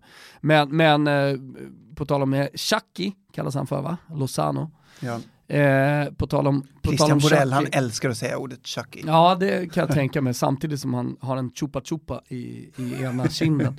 eh, nej men han, eh, jag, tro, jag tror verkligen så här, okay, han är dyraste nyförvärvet i, under sommaren, men jag tror att han faktiskt kan lyfta eh, Napoli ytterligare, ytterligare ett steg. Jag tycker att han har det, jag tycker att han är så bra. Du som har sett den holländska fotbollen också Gusten vet ju om att det här är en spelare som har kanske ett snäpp till när han kommer till en större klubb. Precis, jag ska, jag ska bara eh, säga det eftersom jag inledde här med att säga att man inte har gjort så jävla mycket i, i offensiv riktning. Eh, mm. Man har ju såklart hämtat in då Hirving Lozano som jag tror många kommer ihåg främst eh, för att han sänkte Tyskland med sitt Mexiko i Sveriges grupp förra sommaren. Men han har ju öst in mål i, i det PSV som har firat stora triumfer i Eredivisie de senaste åren från sin ytterposition.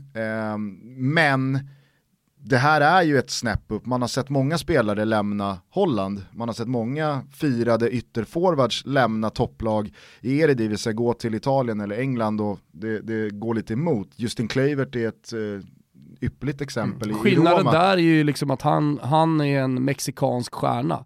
Alltså han, han levererar i landslaget, han levererar ett, ett VM. Justin Kluivert är ju knappt torr bakom öronen. Alltså han har, inte, han har inte gjort någonting. Han har varit mm. en stor talang i Ajax med ett namn på ryggen. Tycker jag, alltså det, det, om man nu ska jämföra de två. Karsdorp. Det är lätt att bara säga såhär, komma från, jo men så här, komma från honom, man får kolla på vad är det för karaktär som kommer, vad är det för spelare? Vad, gör, vad har han gjort utöver PSV?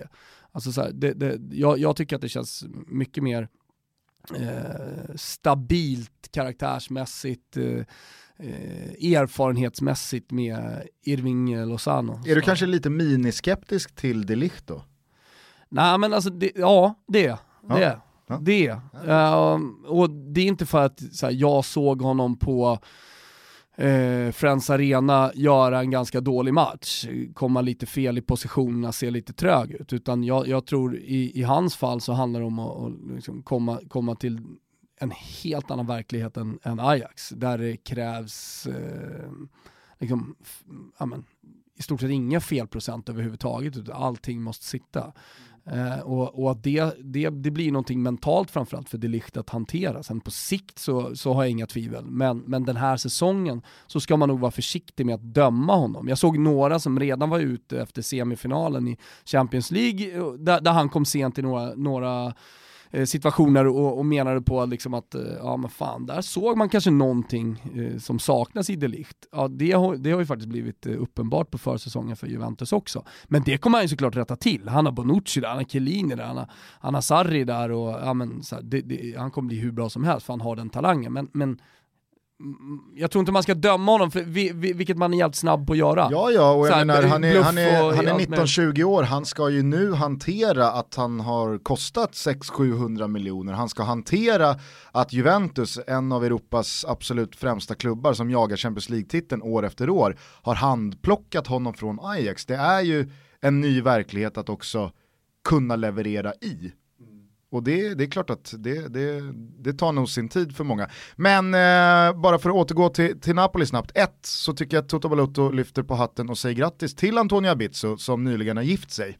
Stort grattis. Eh, det, det, tycker jag var väldigt roligt. Jag önskar honom all lycka i mm. äktenskapet. Mm. Men då, håller du med Tony om att Napoli har positionerat sig som Återigen en... kom en uh, bröllopsinvitation bort.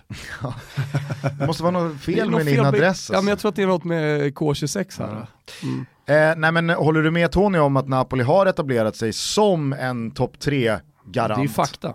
Alltså, det, det, jo men ser du dem så, alltså, är det garanti på att Napoli kommer komma topp tre den här mer säsongen också? Mer eller mindre så skulle jag säga det, absolut. Och, och, och, den garantin kommer från Carlo Ancelotti, den kommer från de spelarna som faktiskt finns i truppen som, yeah. som gör så pass stor skillnad i de här matcherna som man verkligen måste vinna. Så att det, eh, det, det är jag övertygad om att de kommer ligga där. Det som finns emot i mitt huvud det är ju att Napoli drar en mer rimlig Champions League-grupplott den här säsongen än förra och tar sig vidare kommer in i en vår där det faktiskt går att uträtta någonting stort i Champions League. Alltså man ska ju komma ihåg att i fjol så, så hamnade man i samma grupp som Liverpool, PSG och Röda Stjärnan. Ändå är man i super pole position inför sjätte omgången men åker mot, eh, mot Liverpool på Anfield.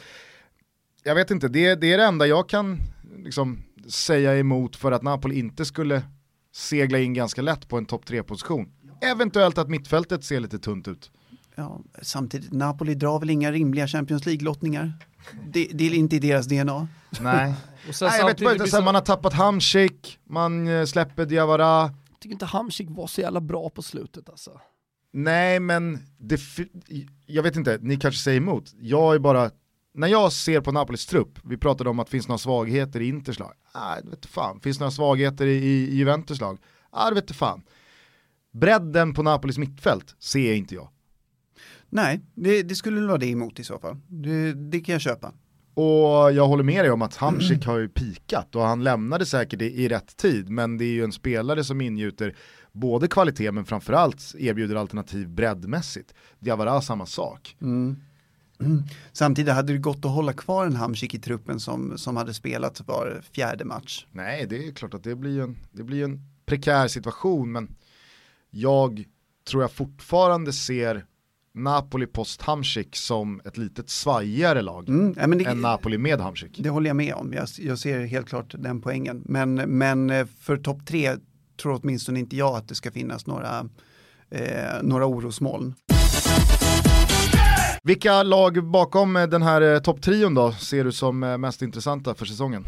Ja, alltså intressanta Intressanta är ju en ganska mångbottnad fråga, eh, för det finns ju intressant på ganska många sätt. Jag tror att, eh, alltså rent, rent så så tycker jag att, eh, att Lazio ser, alltså ser väldigt bra ut. Eh, jag tycker att man i eh, Lazzari gör det, alltså, alltså vi pratar om Napolis välkalibrerade Mercato, jag tycker att Lazios eh, Mercato är väldigt välkalibrerad, man tar in eh, Lazzari på, på, en position där Simone Inzaghi eh, uttryckligen har bett om förstärkning. Eh, man får behålla Milinkovic Savic som, ja men bara det, att man gör det för andra året i rad, verkar det som. Det är, Mercaton är inte riktigt sluten och lite kan fortfarande hända, men vad det verkar så får man behålla honom och det är ju jävla prestation i sig. Så att jag, eh, jag tror att Lazio blir livsfarliga i kampen om den där fjärdeplatsen. Eh, att man kommer ge, ja men förhandsfavoriten som jag ändå skulle kalla Roma eh, en, eh, en väldigt bra match om det. Eh, jag, tycker att, jag tycker att Torino ser väldigt intressanta ut trots den här Wolves-matchen som, som inte som inte höll måttet. Tufft utgångsläge där ska vi säga. Det är retur under torsdagskvällen. Mm, Man ligger under med 3-2. Precis, och har bortamatchen kvar. Eh, nej men jag menar så här, Eh, Eh, man har ett urstarkt försvar eh, och man har eh, den här toppduon Belotti-Zaza som, eh, ja, men som kommer att leverera vad, vad det verkar. Jag, menar, jag tror att Belotti kan ta det här definitiva klivet det här året och Zaza har ni ju pratat om i, i tidigare avsnitt. Han ser ju, eh, apropå på nyttfödelser, så ser han ut att vara en spelare som man ja, men som han var 2015-2016 igen. Och det är, det är bra nyheter för Torino. Så att de tycker jag ser väldigt intressanta ut. Sen intressanta på ett, på ett helt eh, annat sätt. Där, där har vi ju ditt Fiorentina, Thomas. Mm. Eh, de, de är ju värda jättemycket uppmärksamhet. Vad kallar man deras Mercato? Vad man kallar deras Mercato? Ja, men, alltså, om, om vissa lags Mercato får stämpeln eh, välkalibrerad. Mm vad, vad, vad använder du för adjektiv kring Fios? Nah, jag skulle nog säga revolution. Mm. mm. Det är nog det bästa ordet, för att det är vad det har varit, total revolution och det är inte bara i, på spelarsidan utan det, det, gäller väl allt utom på tränarbänken. Mm, ja, på tränarbänken också då, eh, Montella. Alltså, alltså, jag tror ju inte att Fiorentina kommer flyga i år. Det, alltså, jag tror verkligen inte det. Men, men det pratas om Fiorentina igen och, och det andas optimism. Och det, alltså, man, man, det är roligt att prata Fiorentina igen och bara det är väl bra nyheter. Alltså Comisso, säga vad man vill om honom, men jävlar vad jag älskar honom. Mm. alltså, han, han, jag vet inte hur mycket han kan om fotboll. Alltså, det är oklart, men han kan ju bevisligen leda idrottslag. Mm. Eh, ja, men, och sen så här, Ribéry, nej jag tror att han kommer superfloppa tyvärr. Jag, jag, ser, jag ser liksom inte att han, eh, alltså dels tror jag inte att han är i fysisk form och jag tror inte att han, jag tror inte att han har en plats i Montellas 3-5-2. Eller vad fan ska Monte, eh, vad, vad ska Ribéry spela i ett 3-5-2? Alltså bara en sån sak. Alltså, nej, jag, jag, jag, ser, jag ser inte Fiorentina flyga i år, men alltså å andra sidan, vem fan vet? Alltså Chiesa kan lyfta vilket jävla lag som helst. Eh, jo men om man, om, man, om, man, om man pratar om Lazio i termer av att ja, men det, det, det, det finns det finns optimism att hämta i att man har fått behålla Milinkovic Savic. Alltså jag tycker ju att... Får jag bara säga, fan borde... man får, man, man, optimism man får behålla Luis Alberto som bara flyger under alla storklubbars ja, radar. Glömde bort honom. Blivit såhär Metsala, halvytter, fast spelar som en nummer 10. Alltså jag tycker Luis Alberto är helt fantastisk. Verkligen, jag glömde bort honom. Också. Ja, och jag skulle bara säga det kring då Fiorentina, att jag tycker att även fast det är lätt att stirra sig blind på att man hämtar in Kevin Prince Boateng och Frank Ribéry, det återstår väl att se vad de gamla cirkuslejonen kan, kan uträtta. Men jag tycker att det säger någonting om det nya Fiorentina att Chiesa är kvar, att mm. Milenkovic är kvar. Alltså det, det finns ju, det finns någonting i det som jag tycker antyder att Fio vill någonting på riktigt. Det är inte bara High Chaparral och hämta eh, stora gamla drakar utan här, här vill man bygga någonting och Kes har ju uppenbarligen valt att tro på det här. Mm, nej men absolut. Eh, alltså, och, det, och, det, är ju lite, lite den vägen alla klubbar som är i någon slags återuppståndelsefas måste gå för att alltså, man, alla kan inte unna sig lyxen att analysera en trupp, hitta svagheter, plocka världsnamn, utan man får väl liksom hugga lite grann på det som finns att hugga på och hoppas att någon kommer att överleverera eller, eller leverera enligt, eh, enligt vad de har gjort i fornstora dagar. Och Fiorentina är väl lite grann i det läget. Jag, som sagt, jag upprepar mig, jag tror inte att det kommer flyga, men, men jag menar, det skulle mycket väl kunna göra det också. Eh, jag menar, Montella har ju, alltså det är inte många som tror på honom längre, men man, man ska ju komma ihåg att det är en tränare som förutspåddes en lysande framtid och det av en anledning. Han, han det blir, chansen blir ju mindre för varje år, men han kan faktiskt göra det igen. Och, och, och, jag menar, han gjorde det bra en gång i Fiorentina också. Jag var på matchen som han hämtade upp mot Juventus. Eh, alltså, den senaste gången det andades optimism i Fiorentina var ju när Mario Gomez presenterades för 20 000 Fiorentina-supportrar. Precis som Ribéry gjorde, den gången gick det åt helvete. Den här gången var det lasershow, eh, det var DJ och det var allt möjligt, det var amerikanskt. Eh, men, men jag, tycker, jag tycker att det finns anledning att återgå till Rom i och med att det dessutom är ett derby som vi har möjlighet att prata upp här. Eh, men om vi bara stannar hos Fiorentina, som Tony väljer att prata om dem som som en intressant eh, klubb så är det ju... Jag också. Ju, ja, ja, precis.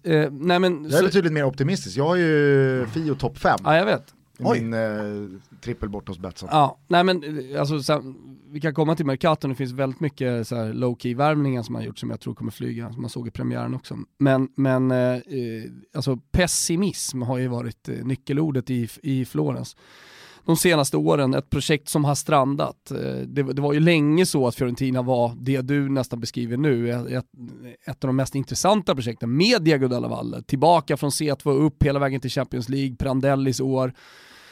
Eh, sen så hade man väl ett par år där med Delio Rossi, med Mihailovic, så kom Montella in och så gjorde man liksom en sista satsning från äga, ägarsidan. Men då hade man redan börjat tröttna från supporterhåll och man hade faktiskt börjat förstå att de här ägarna, de kan inte ta Fiorentina hela vägen till en titel. Man förlorade kupptiteln mot eh, Napoli, Eh, Della Valle-familjen fick aldrig sin, liksom, eh, sin titel som man satsade mot så mycket och ville ge tillbaka till supporterna. Och då gick också luften ur. Och sen så har man ju faktiskt eh, sen, sen ett par säsonger tillbaka varit till försäljning officiellt. Tidigare så har man ju, man skulle kunna gå tillbaka till 2010-2011 när det började ryktas om att Fiorentina var till försäljning. Man hade sett på börsen och liksom pratat i New York om att Fiorentina liksom var, var en fotbollsklubb som, som, eh, eh som, som var var till salu. Men eh, Rocco Comisso, det första, det första folk tänkte var, ha kommer in ytterligare en amerikanare i den italienska fotbollen, en utlänning. Men det, så, så, är det ju inte riktigt, utan han flyttade från Italien när han var 12 år, från Kalabrien. Alltså det, det, han, han pratar italienska, om en då blandad kalabresisk brytning, blandad amerikansk brytning som blir fantastiskt, men han för sig på italienska i Italien. Hur låter det? bara det.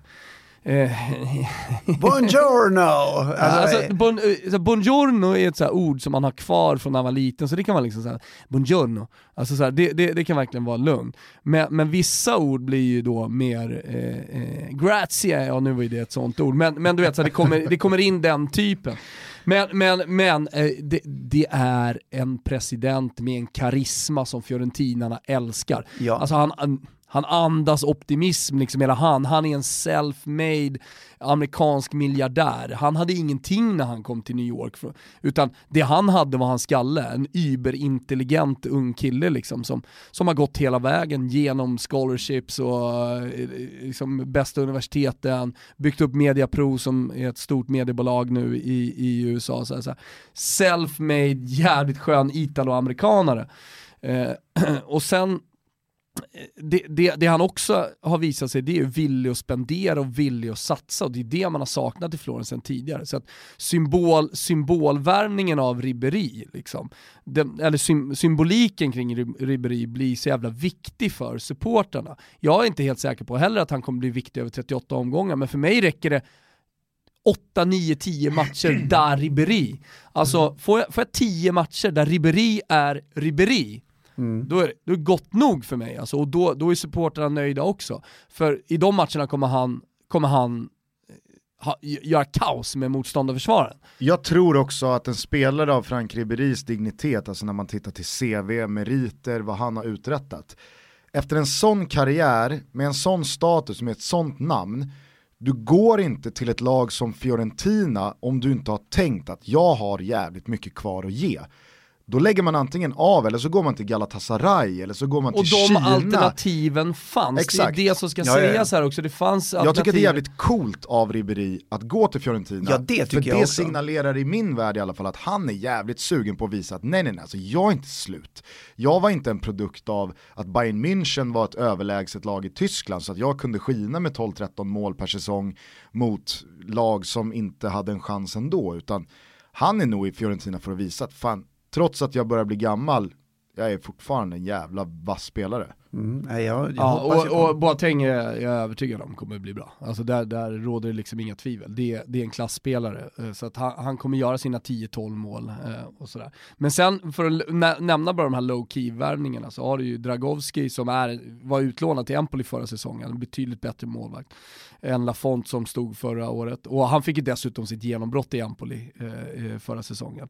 Eh, ryktades också vara på väg bort, men insåg att oj då, här ska jag nog vara kvar, här händer någonting. Eh, Paul Lirola, eh, en, alltså bakom toppklubbarna, en av de bästa högerbackarna förra säsongen i Sassuolo. Pulgar, ja, det är inte många som lyfter på ögonen, liksom, ögonbrynen för den här chilenaren. Men given i det chilenska landslaget, jättebra i Bologna förra säsongen, grym i premiären mot Napoli dessutom, fick ju kröna det med ett tidigt mål där. Badell, Milan Badell tillbaka, man vet vad man får av honom så, här, så att mittfältet på något sätt har stabiliserats.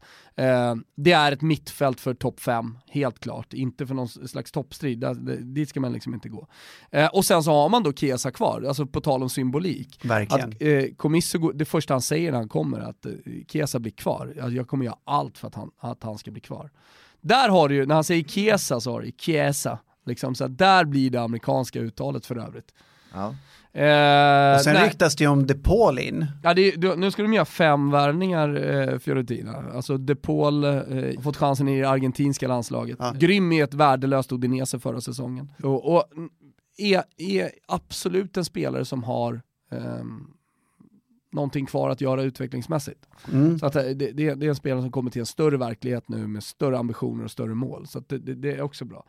Men lite, lite offensiv, alltså slagsida, eller? Eh, ja, sen tycker Jag jag... menar så här, vad händer med Simeone? Sen tycker jag Petzella, är jättebra spelare, Mi- Milenkovic, problem, nej, Si- Vad heter han unga serben, Vlahovic? Eh, Vlahovic framåt som eh, liksom kommer direkt från, eh, från eh, ungdomsakademin, eh, stor, stark serb, gjorde två mål mot Monza i, i, eh, i cupdebuten, eller i- ja, i, i Fiorentinas första tävlingsmatch den här säsongen, och mål da bomber, alltså smällde in dem i stolproten. Så, här. så att det, det är klart att det, det, det, Ja, men det är en rimlig invändning vad som händer med ja, Simeone då. Ja. det är Fiorentinas yngre, man, man tycker så här, Ribéry, Boateng, många garva, har är det bara massa gamlingar som ska komma in? Det har ryktats om andra gamlingar också. Eh, men, men det är alltså det yngsta Fiorentina de senaste 25 åren. När, när man vann scudetton senast så kallas man för Fiorentina yeah yeah. Eh, på tal om italien, eh, italienarnas fäbless för att använda sig av eh, eh, engelska ord. Men, eh, och det, det var liksom det unga Fiorentina som vann skulle, Nu, nu, nu har man åt, man har fortfarande ska jag säga, men så här, ett jätteungt lag.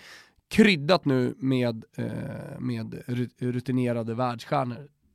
Mm. Världsstjärnor på Boateng kanske man inte ska säga, men ja, ni fattar vad jag menar. Ska du kanske revidera din uh, floppkänsla eller har Thomas inte övertygat dig nog? Ja, men det är, ju, det är väl fortfarande Montella emot va? Ehm, Rimlig Jo men det är så här, sen, när, när vi hade Montella och gick bra, då släppte vi ändå in ett mål av Gobbi hemma mot Parma. Trots att vi har dominerat matchen hela. Han kan inte stänga matcher. Det är mitt problem med Montella, om vi nu ska bara liksom sätta lite kött, kött på det du säger om Montella. det är väl favorit på att han är den första liksom, tränaren som ryker. Han är ju jävligt bra framåt. Alltså så här, det, det, det, det flyger om Fiorentina. Och, men det finns ju ingen kontinuitet i prestationerna. Man vänder mot Juventus hemma i en historisk match. Ja, sen torskar man ju såklart matchen efter. Alltså så här, det är Montella för mig. Ja men sen så tror jag att det, det, det Tony också sätter fingret på här kring Montellas aktie och varför han eventuellt då är favorit att få Dojan först, det är att han kommer in i den här säsongen efter en historiskt usel vår, tar över efter Piole, vinner inte en enda match, håller på att åka ur. Alltså då, Fiorentina kunde ju åka ur sista omgången. Teoretiskt sett sista omgången, precis. Eh, vilket var helt sanslöst. Jag kommer ihåg den tweeten från Thomas när det återstår typ tre omgångar. vi kan åka ur. så att han insåg det, vad fan, vi kan ju åka ur. Det, Nej, man fick att... upprepa det lite för sig själv. Ja. Nej, och så, eh, avsluta, för att det blir för mycket Fiorentina, absolut inte. Men det är ju som Tony säger också, så här, så här, nu pratas det om Fiorentina igen. Det, det är ont i mig, och det tar emot att säga, men en av de absolut viktigaste grejerna som har skett i sommar, det är att Corvino har lämnat och att Daniele Pradé är tillbaka. Mm. Som en, liksom, han är en mycket mer modern sportchef, han jobbar, han jobbar som de moderna sportcheferna jobbar, inte så tydligt bara med den agenten eller bara med den agenten så här, som har varit klassisk Corvino. Har eh, och, Corvino och, pikat? Ja, herregud alltså, det gjorde han nog i Lecce höll jag på att säga. Nej det gjorde Nej, han väl i Fiorentina. Eller är han fortfarande Gud i Casa Borrell. Jag håller, alltså jag är tyst här. Eh, alltså jag... Alltså, eh, välkommen tillbaka. Till. Nej, precis. Borrell jag... lyssnar på det här ändå. jag ska ju i något läge träffa Christian igen och jag kan, ja. inte, jag kan inte komma med ett sånt uttalande i bagaget. Men Borrell håller fortfarande Corino högst. högst. Ja, ja, men jag tror att till och med Borrell liksom inser att Corvino har gjort sitt på den stora. Inte ens Lecce ville ha honom. Alltså det säger väl allt. Eh, hörni, det stundar ju en fantastisk eh, andra omgång. Eh, det är bland annat eh, Juventus-Napoli och eh, framför allt så är det Derby della Capitale. Lazio mot Roma söndag. Eh, man ser alla de här matcherna på Simor. Eh, ni vet ju att eh, det är eh, La Liga, Serie A, MLS, eh, PGA-touren och EM-kvalet för ynka 99 spänn i månaden hos våra vänner på Simor. Dessutom så är det ju eh, alla våra favoriter som kommentatorer, Husfeldt, Kviborg, Svanen, Pintorp med Vicky Blomé och Marcelo Fernandes också som eh, experter med jävla superstarter. Framförallt Marcelo. Vicky har ju fått barn här tillsammans med Robin. Nu säger vi grattis igen då från eh, Toto Balutto-studion. Eh, men jag tycker att Marcelo har gått in och rivstartat den här säsongen Såg som expertkommentator. Ju, när jag var på Atletico Juve eh, så satt jag precis nedanför pressläktaren över Juventus avbytarbås. Eh, mycket intressant. Eh, men eh, kolla upp mot pressläktaren, hälsa på eh, mina vänner där. Och så ser jag Robin Blomé sitta och tänker, vad fan gör Robin på, på press här nu? Solo Calcio och liksom är lite på dekis och sådär. Ja, ja men så, han är ju en trophy husband.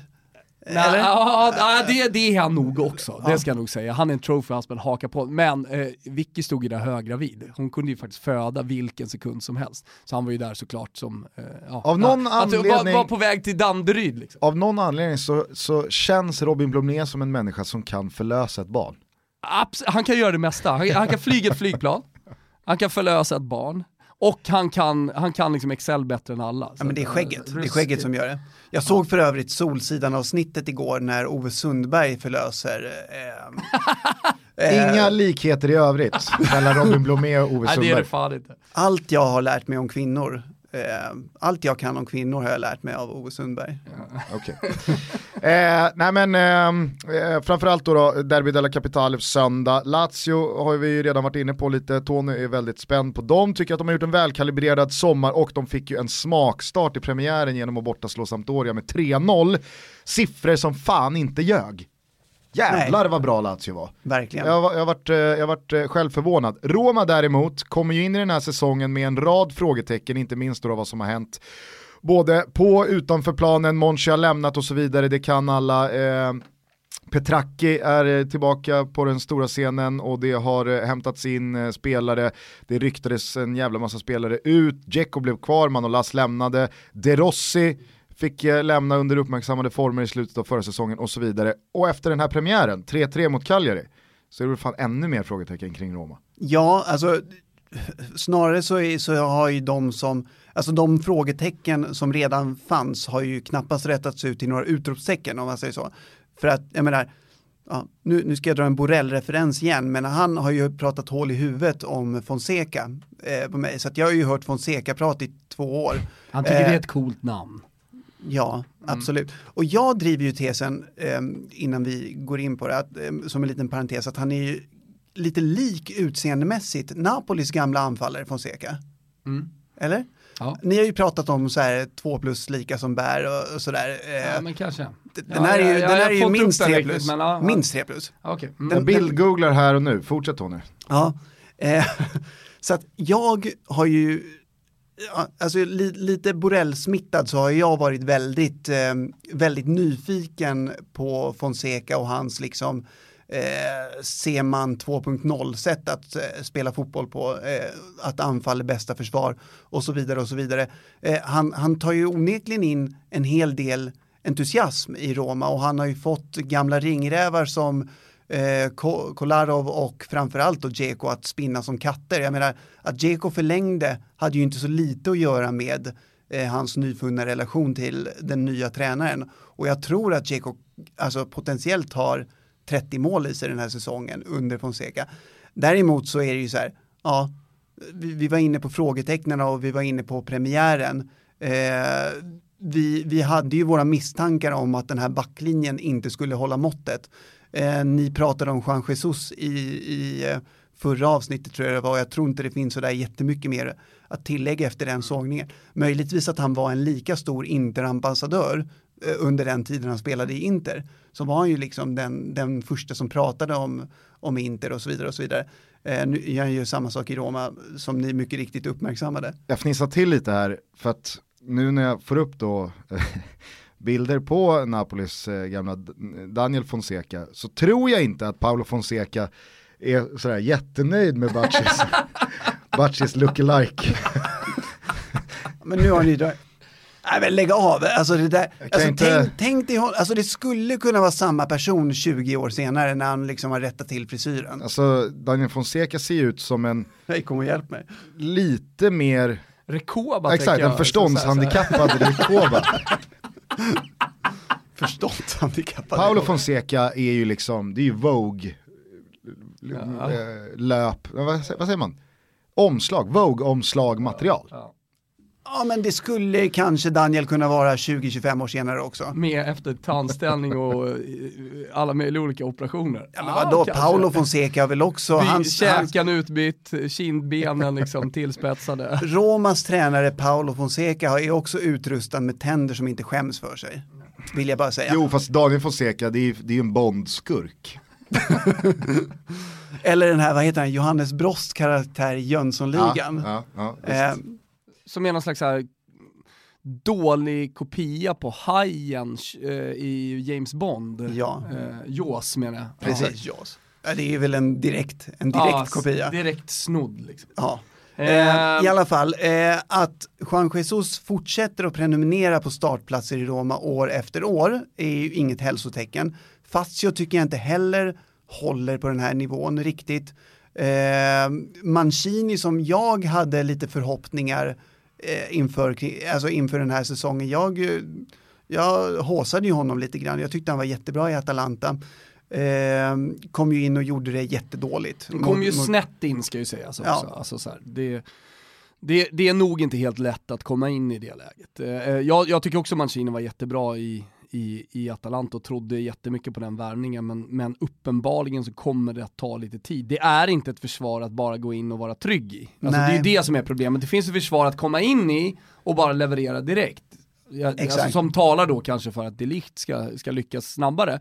Men eh, Roma-försvaret, Fonsecas försvar, det är, inget, det, det är inte ett sånt. Jag tycker också att pro problemet med Romas försvarsvärvningar är att det, det, det just nu nästan är en trupp med åtta likvärdiga spelare. Ja. Alltså Zappacosta går inte in och höjer någon slags konkurrensnivå. Nej, vad, vad ehm. kom den, vad, vad, skulle de med den värvningen till egentligen? Det är väl att de, släpp, de släpper Karstorp och så behövs det ett alternativ, men jag, jag tycker inte Zappacosta är, är det, det, är inte en, det är inte en bättre högerback än eh, Florenzi. Verkligen inte. Eh, så får man väl se vart man använder Spinazzola om det blir högre upp i banan, men jag ser inte Spinazzola som en klockrent mycket bättre vänsterback än Kolarov.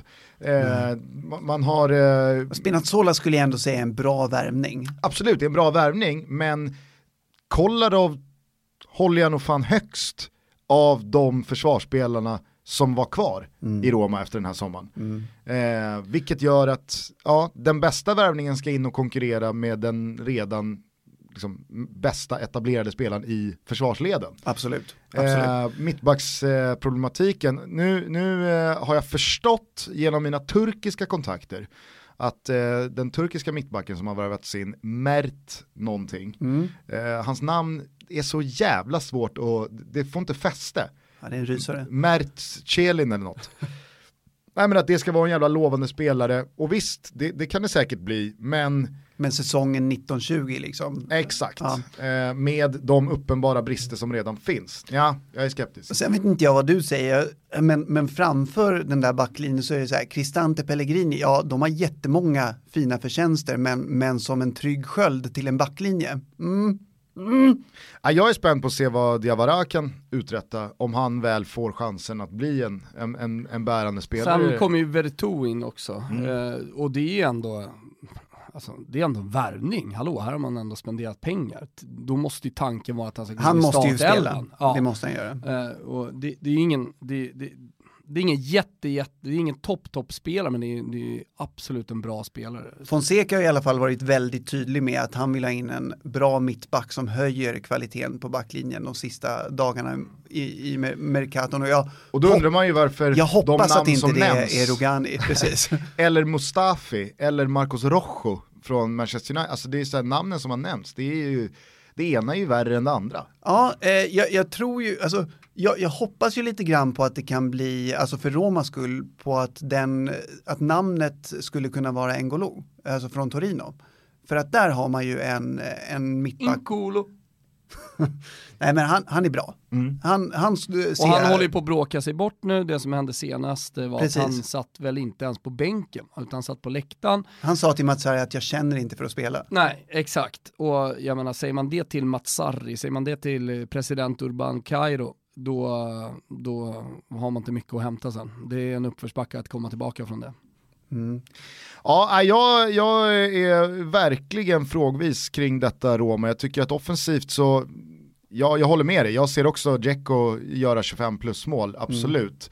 Eh, jag tycker också att eh, Cengiz Ynder visade direkt i premiären att han är redo att vara en, en bärande pelare i ett Roma som eh, siktar mot att ändå landa en Champions League-plats.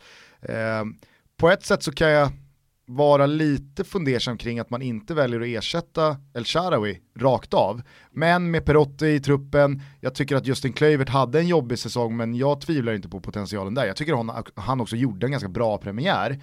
Ehm, ah, det, det, jag ser gärna en anfallare komma in också eh, nu sista dagarna för att eh, om Schick nu förhoppningsvis lämnar så är det för tunt. Leipzig eh, säger tyskreferensen här borta som har koll på den tyska fotbollen. Ja, ja. är ju i slutförhandlingar om Schick. Ja, och Chicken får gärna lämna, men då är det ju uppenbarligen för tunt bakom Dzeko. Man kan inte förvänta sig och tro, eller räkna med, att eh, en, vad är Dzeko, 86 Mm. 33-åring ska göra 50 matcher. Eh, en och samma Nej, men. Iguain eh, lever ju också fortfarande, det måste man ändå säga. Ja, alltså det skulle ju kunna, alltså precis, det är ju den här, den här superrokaden som skulle kunna bli klar klockan 23.59 Mm. första september, eh, som skulle kunna landa Iguain i Roma, men Några ord måste nämnas kring Atalanta också, i och med att de kom fyra förra säsongen man undrar vart är detta projektet på väg? Jag trodde de skulle spendera den här sommaren. Jag trodde liksom att eh, Atalanta skulle försöka ta ett kliv upp. Vi pratade om det förra, förra avsnittet också. Det Men- blev Muriel, och Ja. det är ju en, det är en jävla bra värvning i sig. Men vi var ju lite så här, okej, det ska ändå spelas Champions League. Är ambitionen att upprepa en eh, topp 4-plats? Finns då bredden?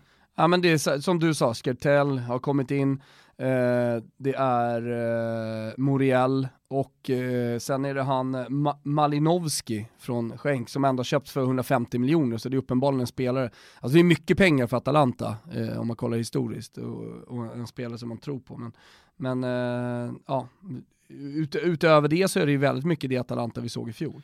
Det är Men vi- inga överraskningar. Vilken fot står du på kring Atalanta? Är det ett lag som på riktigt håller på att etablera sig i toppen eller är det en bubbla som kommer spricka vid horisonten? Alltså jag trodde ju att det var en bubbla, men nu är jag inte alls lika säker längre. Eh, jag, jag- alltså, Gasperini håller ju på att göra det här till ett alltså, långsiktigt jättebra projekt och tittar man på vilka spelare, alltså så här, sen går det ju inte att blunda för, för verkligheten att, alltså idag ser det ju ut så, alltså kontinuerligt Champions League-spel leder till en starkare ekonomi, leder till alltså mer, mer långsiktiga klubbyggen och jag menar om Atalanta kan lösa en åttondelsfinal eh, så ja, då har man en ekonomisk grund att bygga på som kan hålla i ganska många år.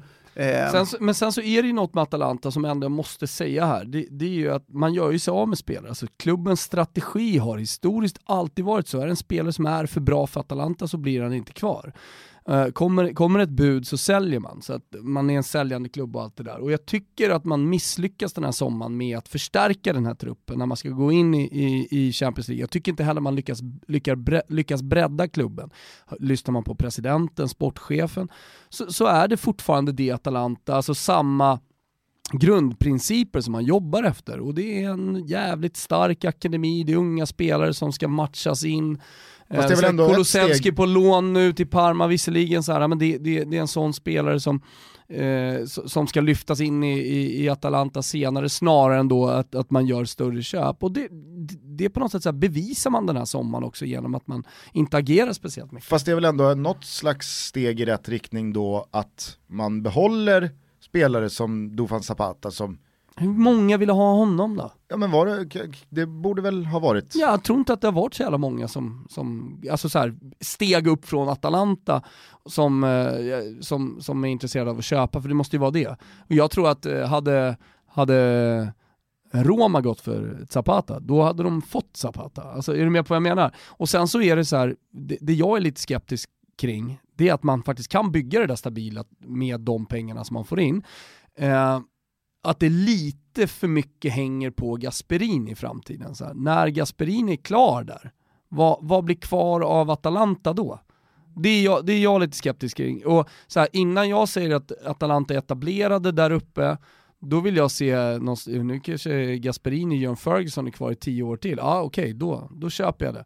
Men, men annars så vill jag se vad händer efter Gasperini. Mm. Men jag menar så här, bara, bara, bara kort då, Zapata, Ilicic, eh, Muriel, eh, Papu Gomez. Papu Gomez. Alltså om man pratar att Fiorentina har en offensiv slagsida så, att, så, så Atalanta har ju inte mycket, alltså långt bakom. Och jag menar, alla, alla de fyra spelarna är ju liksom, ja men de är stabila som enbenta pallar ungefär. Men, men jag menar, står stjärnorna rätt och när de toppresterar alla fyra, då är det ju fan bara Juventus i, i Serie A som kan mäta sig med den offensiven. För fan vilken jävla högsta nivå de har. Det såg man väl också i premiären att man hamnar i ett tidigt tvåmålsunderläge mot Spal och det ser inte speciellt bra ut defensivt. Sen så skruvar man upp på volymknappen offensivt och gör tre mål. Ja, Man gör det som behövs. Muriel hade man legat under med in och- 3-0 så var känslan att då hade man gjort fyra och vänt det till 4-3. Ja. Så att, nej jag håller med dig, offensivt så, så tvivlar jag inte på Atalanta men med tvåfrontskrig, Champions League-spel, Ja, alltså man kommer ju, alltså man kommer inte upprepa fjärdeplatsen. Jag har otroligt svårt att se det när man ska, när man ska spela Champions League också. Jag har väldigt, väldigt svårt att se att de kan upprepa en, alltså att de kan lösa en ny fjärdeplats. Vi har ju varit igång väldigt länge här nu och eh, vi kommer inte hinna prata om alla lag. Jag tänker här ju, jag, jag, jag live-redaktörar, kanske ska vi bara prata om Milan. Ja, jag det säger, ju en, del, det säger ju en det. del om att vi har varit igång i en och en halv timme och inte eh, snuddat vid Inte det, det, det rödsvarta laget från Milano. Eh, och så kanske Tony helt enkelt får komma tillbaka om någon vecka eller två Ja. och så pratar vi eh, lite mer om eh, de mindre lagen. Lecce. För det finns ju mycket att säga om, om eh, de lagen och den delen av Ja, tabellen med också. Genoa-klubbarna som är på väg, Sampdoria som är på väg att säljas nu till Vialli och hans Cordata. Hur låter det Tony? Ja, men det låter jättebra. Bra, då tycker jag att vi bara eh, kort hugger tag i eh, Milan som började den här säsongen med att eh, hälla vatten på den skeptiska kvarn som jag tror ändå många har sneglat åt efter den här sommaren. Torsk borta mot Udinese, en startelva som inte alls andas eh, Champions League, i alla fall inte för mig. Jag vet inte, vad, vad, vad, säger du om eh, Milan anno 1920? Jag tror inte de löser Europa. Alltså så, om vi, om vi ska vara sådana. Jag, jag tror att, alltså för, för ehm, alltså den här eh, medelintresserade italienska supporten så kommer Milan att framstå som en superflopp eh, under året 1920. Eh, men vi, vi som har lite mer koll, vi, vi vet ju egentligen att det här är, det här är vad de har att vänta sig. Alltså, det, det är nog inte många som fattar hur jävla illa ute Milan var rent ekonomiskt. Man var ju alltså på ruinens brant. Man riskerade att gå ett liknande öde till mötes som, som Parma eller som Fiorentina några år tidigare än så. Alltså det var, det var riktigt jävla illa ställt. Ehm, man, det, det, fick man ju egentligen inte veta förrän, ja men egentligen för ett par månader sedan. Eh, så nu är, det, nu är det ju ett stålbad, nu har man kastats tillbaka ytterligare. Man har ju haft extrem otur. Om vi pratar om att Inter vann på det kinesiska lotteriet med, med Soning så har, ju, så har ju Milan gått den motsatta vägen. Eh, har, har ju torskat massa, framförallt tid på, på att eh, man inte har hittat rätt ägare. Nu har Elliot-fonden eh, åter tvingats egentligen ta över. Det var väl ingenting man egentligen strävade efter att få, få äga och driva Milan. Men mm, det har man fått, fått göra nu och ja, de är ytterligare ett par år tillbaka. Det kommer ta ytterligare ett par år att bygga upp det här igen. Gatsidis, vdn, sa ju i en intervju i Gazettan tidigt på sommaren att nej men alltså nu är det slut på falska löften till, eh, till supporterna.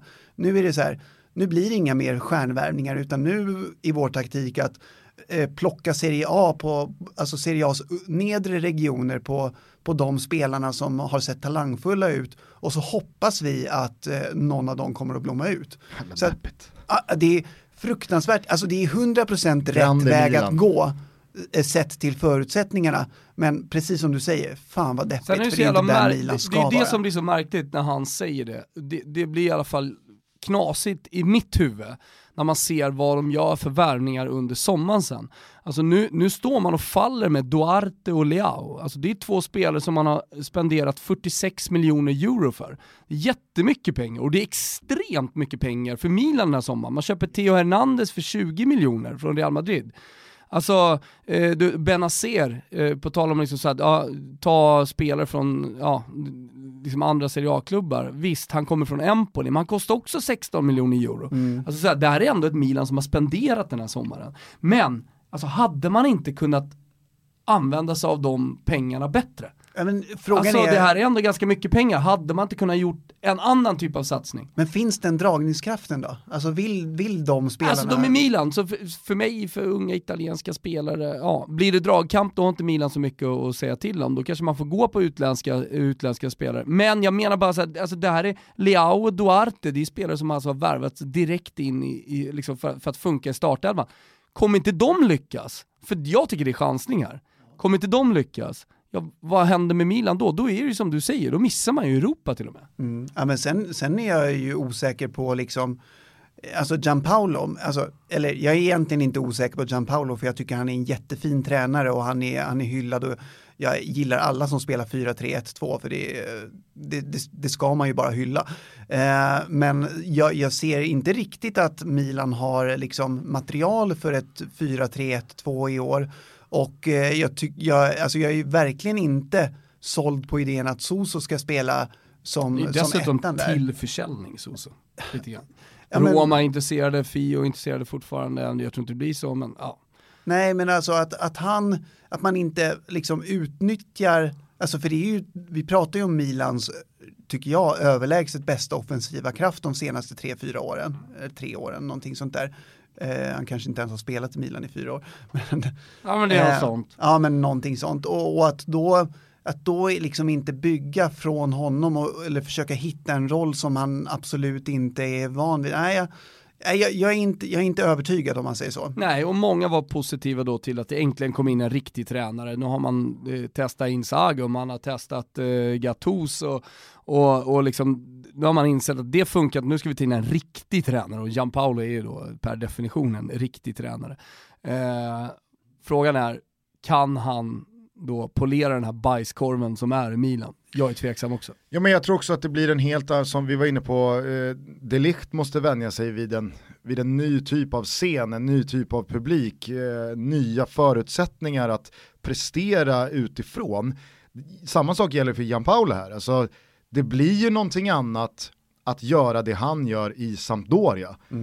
Det, alltså, jämfört med att göra det som Milans mest profilerade värvning den här sommaren. Nu är det Milan, alla vet att Milan är i en svacka historiskt, alla vet vart Milan ska eh, vara på väg, vart man, vart man en gång har varit, vart man vill tillbaka, samtidigt som Inter kapprustar med såväl tränare som spelare, Juventus är redan på toppen, Napoli ser starka ut, Fiorentina värvar, Roma värvar, byter tränare, satsar mot att återigen börja utmana om titlar. Alltså, att i det läget ta över Milan och ha den pressen på sig. Att nu ska Gianpaolo lösa det som Gattuso, Inzaghi, Cedorf, all, all, alla liksom quick fix som var feltänk inte kunde.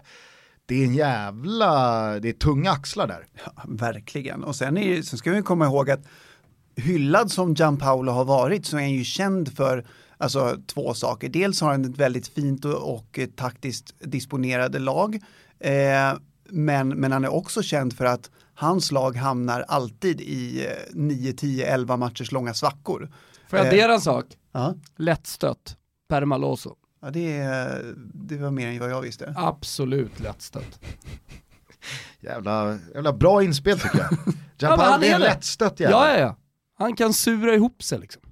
Gjorde han i Brescia, drog, försvann. Ingen visste var han var. Fantastiskt blogginlägg av mig för övrigt. Då vi säger Nej men, ehm, eh, svackor Ja. kan han hitta in i. Ja men i Sampdoria så var det ju så varje år. Han, hans lag hamnade i, i svackor varje år och Gianpaolo är känd för att hans lag hamnar i långa svackor. Och jag menar det, ja historien ljuger inte, man har väntat sig det även i Milan. Eh, ja. En lättstött jävel som hamnar i långa, tunga svackor, det är inte riktigt vad... Men en Mi- riktig tränare, Ja, det- per definition. Tur att han är en riktig tränare. Nej men det ska jag säga, vi raljerar lite men han är en jävligt bra tränare. Är- absolut. Ja, herregud, herregud. Men det verkar i alla fall eh, Men han har en råda... bajskorv att hantera. Det, det, det verkar i alla fall råda en stämning här i studion om att alla tre är väldigt skeptiska, skeptiska till huruvida Milan ska kunna De får hota överbevisa om, oss. om topp 6. Ja, de får överbevisa oss. Med vi är det inte sagt ensamma då- ska jag säga bara i den här studion som är skeptiska till, till Milan. Så att, Nej. Nej. Med det sagt så tycker jag att eh, vi eh, avslutar dagens avsnitt. Vi eh, tar varsin höstpepsi tillsammans med Tony Butch och så går vi ut i eh, sensommar Stockholm. Ja. Som blomstrar och badar i solsken. ja, det är alldeles fantastiskt. Och vet du vad vi gör också? Vi laddar upp eh, inför en Super Sunday. Första Super Sunday här. Ni vet, det kommer ju alltid någon jävla söndag som är helt sjuk. Vi har alltså Rangers Celtic 13.00, AIK Djurgården 15. 17.30 Arsenal Tottenham, 18.00 Lazio Roma, 22.00 så kliver De Rossi in i sitt första River Plate Boca Juniors eh, derby och jag vet inte om vi ska lämna det. Ja, jag säger det eftersom jag älskar den tyska och den österrikiska fotbollen. Vi har Austria-Wien mot Rapid Wien också. Så Härligt. där har ni, en jävla derbysöndag. Det blir en ruggig Toto-trippel du och jag sätter ihop borta hos Betsson till den här helgen. Det Ja. hör ju jag. Ja, det, det, det, det kommer bli en derbytrippel eh, till på söndagen. Eh, den, den, blir, den blir fin. Fint. Eh, stort tack Tony för att du kom och gästade oss och sen så säger vi väl på snart återseende då, eh, när vi tar tag i resterande delar av den eh, italienska fotbollen inför säsongen 1920. Finns det någon låt du skulle vilja avsluta episoden med? Ehm, ja, det finns det väl. Jag Det säger, finns för många. ja, det finns alldeles för många. Fan, jag borde ha tänkt på det här. Ehm, Vad är den italienska 990 luftballong? eh, Är det, är det Volare? Ja, Eh. eller är det ändå inte eh, Eros? Se bastasse una grande canzone uh, Nej, eh, far piovere eh, amore Più Bella Cosa är väl eh, ändå... ja, det, Nej, det, så platt kan du inte vara. Nej, så platt är jag inte. Jag eh, går ut på, ehm, jag, fan vad, vad går jag ut på? Jag går ut på eh, Oasis och jag väljer eh, låten eh, I got the fever. Helvete vad bra. Helvete vad bra. Hörni, vi eh, hörs nästa vecka igen. Vi bokar inget datum än med Tony, men ska vi säga eh, nästa vecka eller om två veckor? Ja det. Något sånt. Eh, Det blir en, eh, landslagsuppehåll, då det kan det vara mysigt att sätta sig ner. Och, passar ju perfekt att prata Italien då. Ja. Eh, hörni, eh, stort tack för att ni lyssnar. Vi hörs igen nästa vecka. Ha en eh, fin helg och så förlorar ni er i all underbar fotboll som spelas. Ciao tutti! Merde!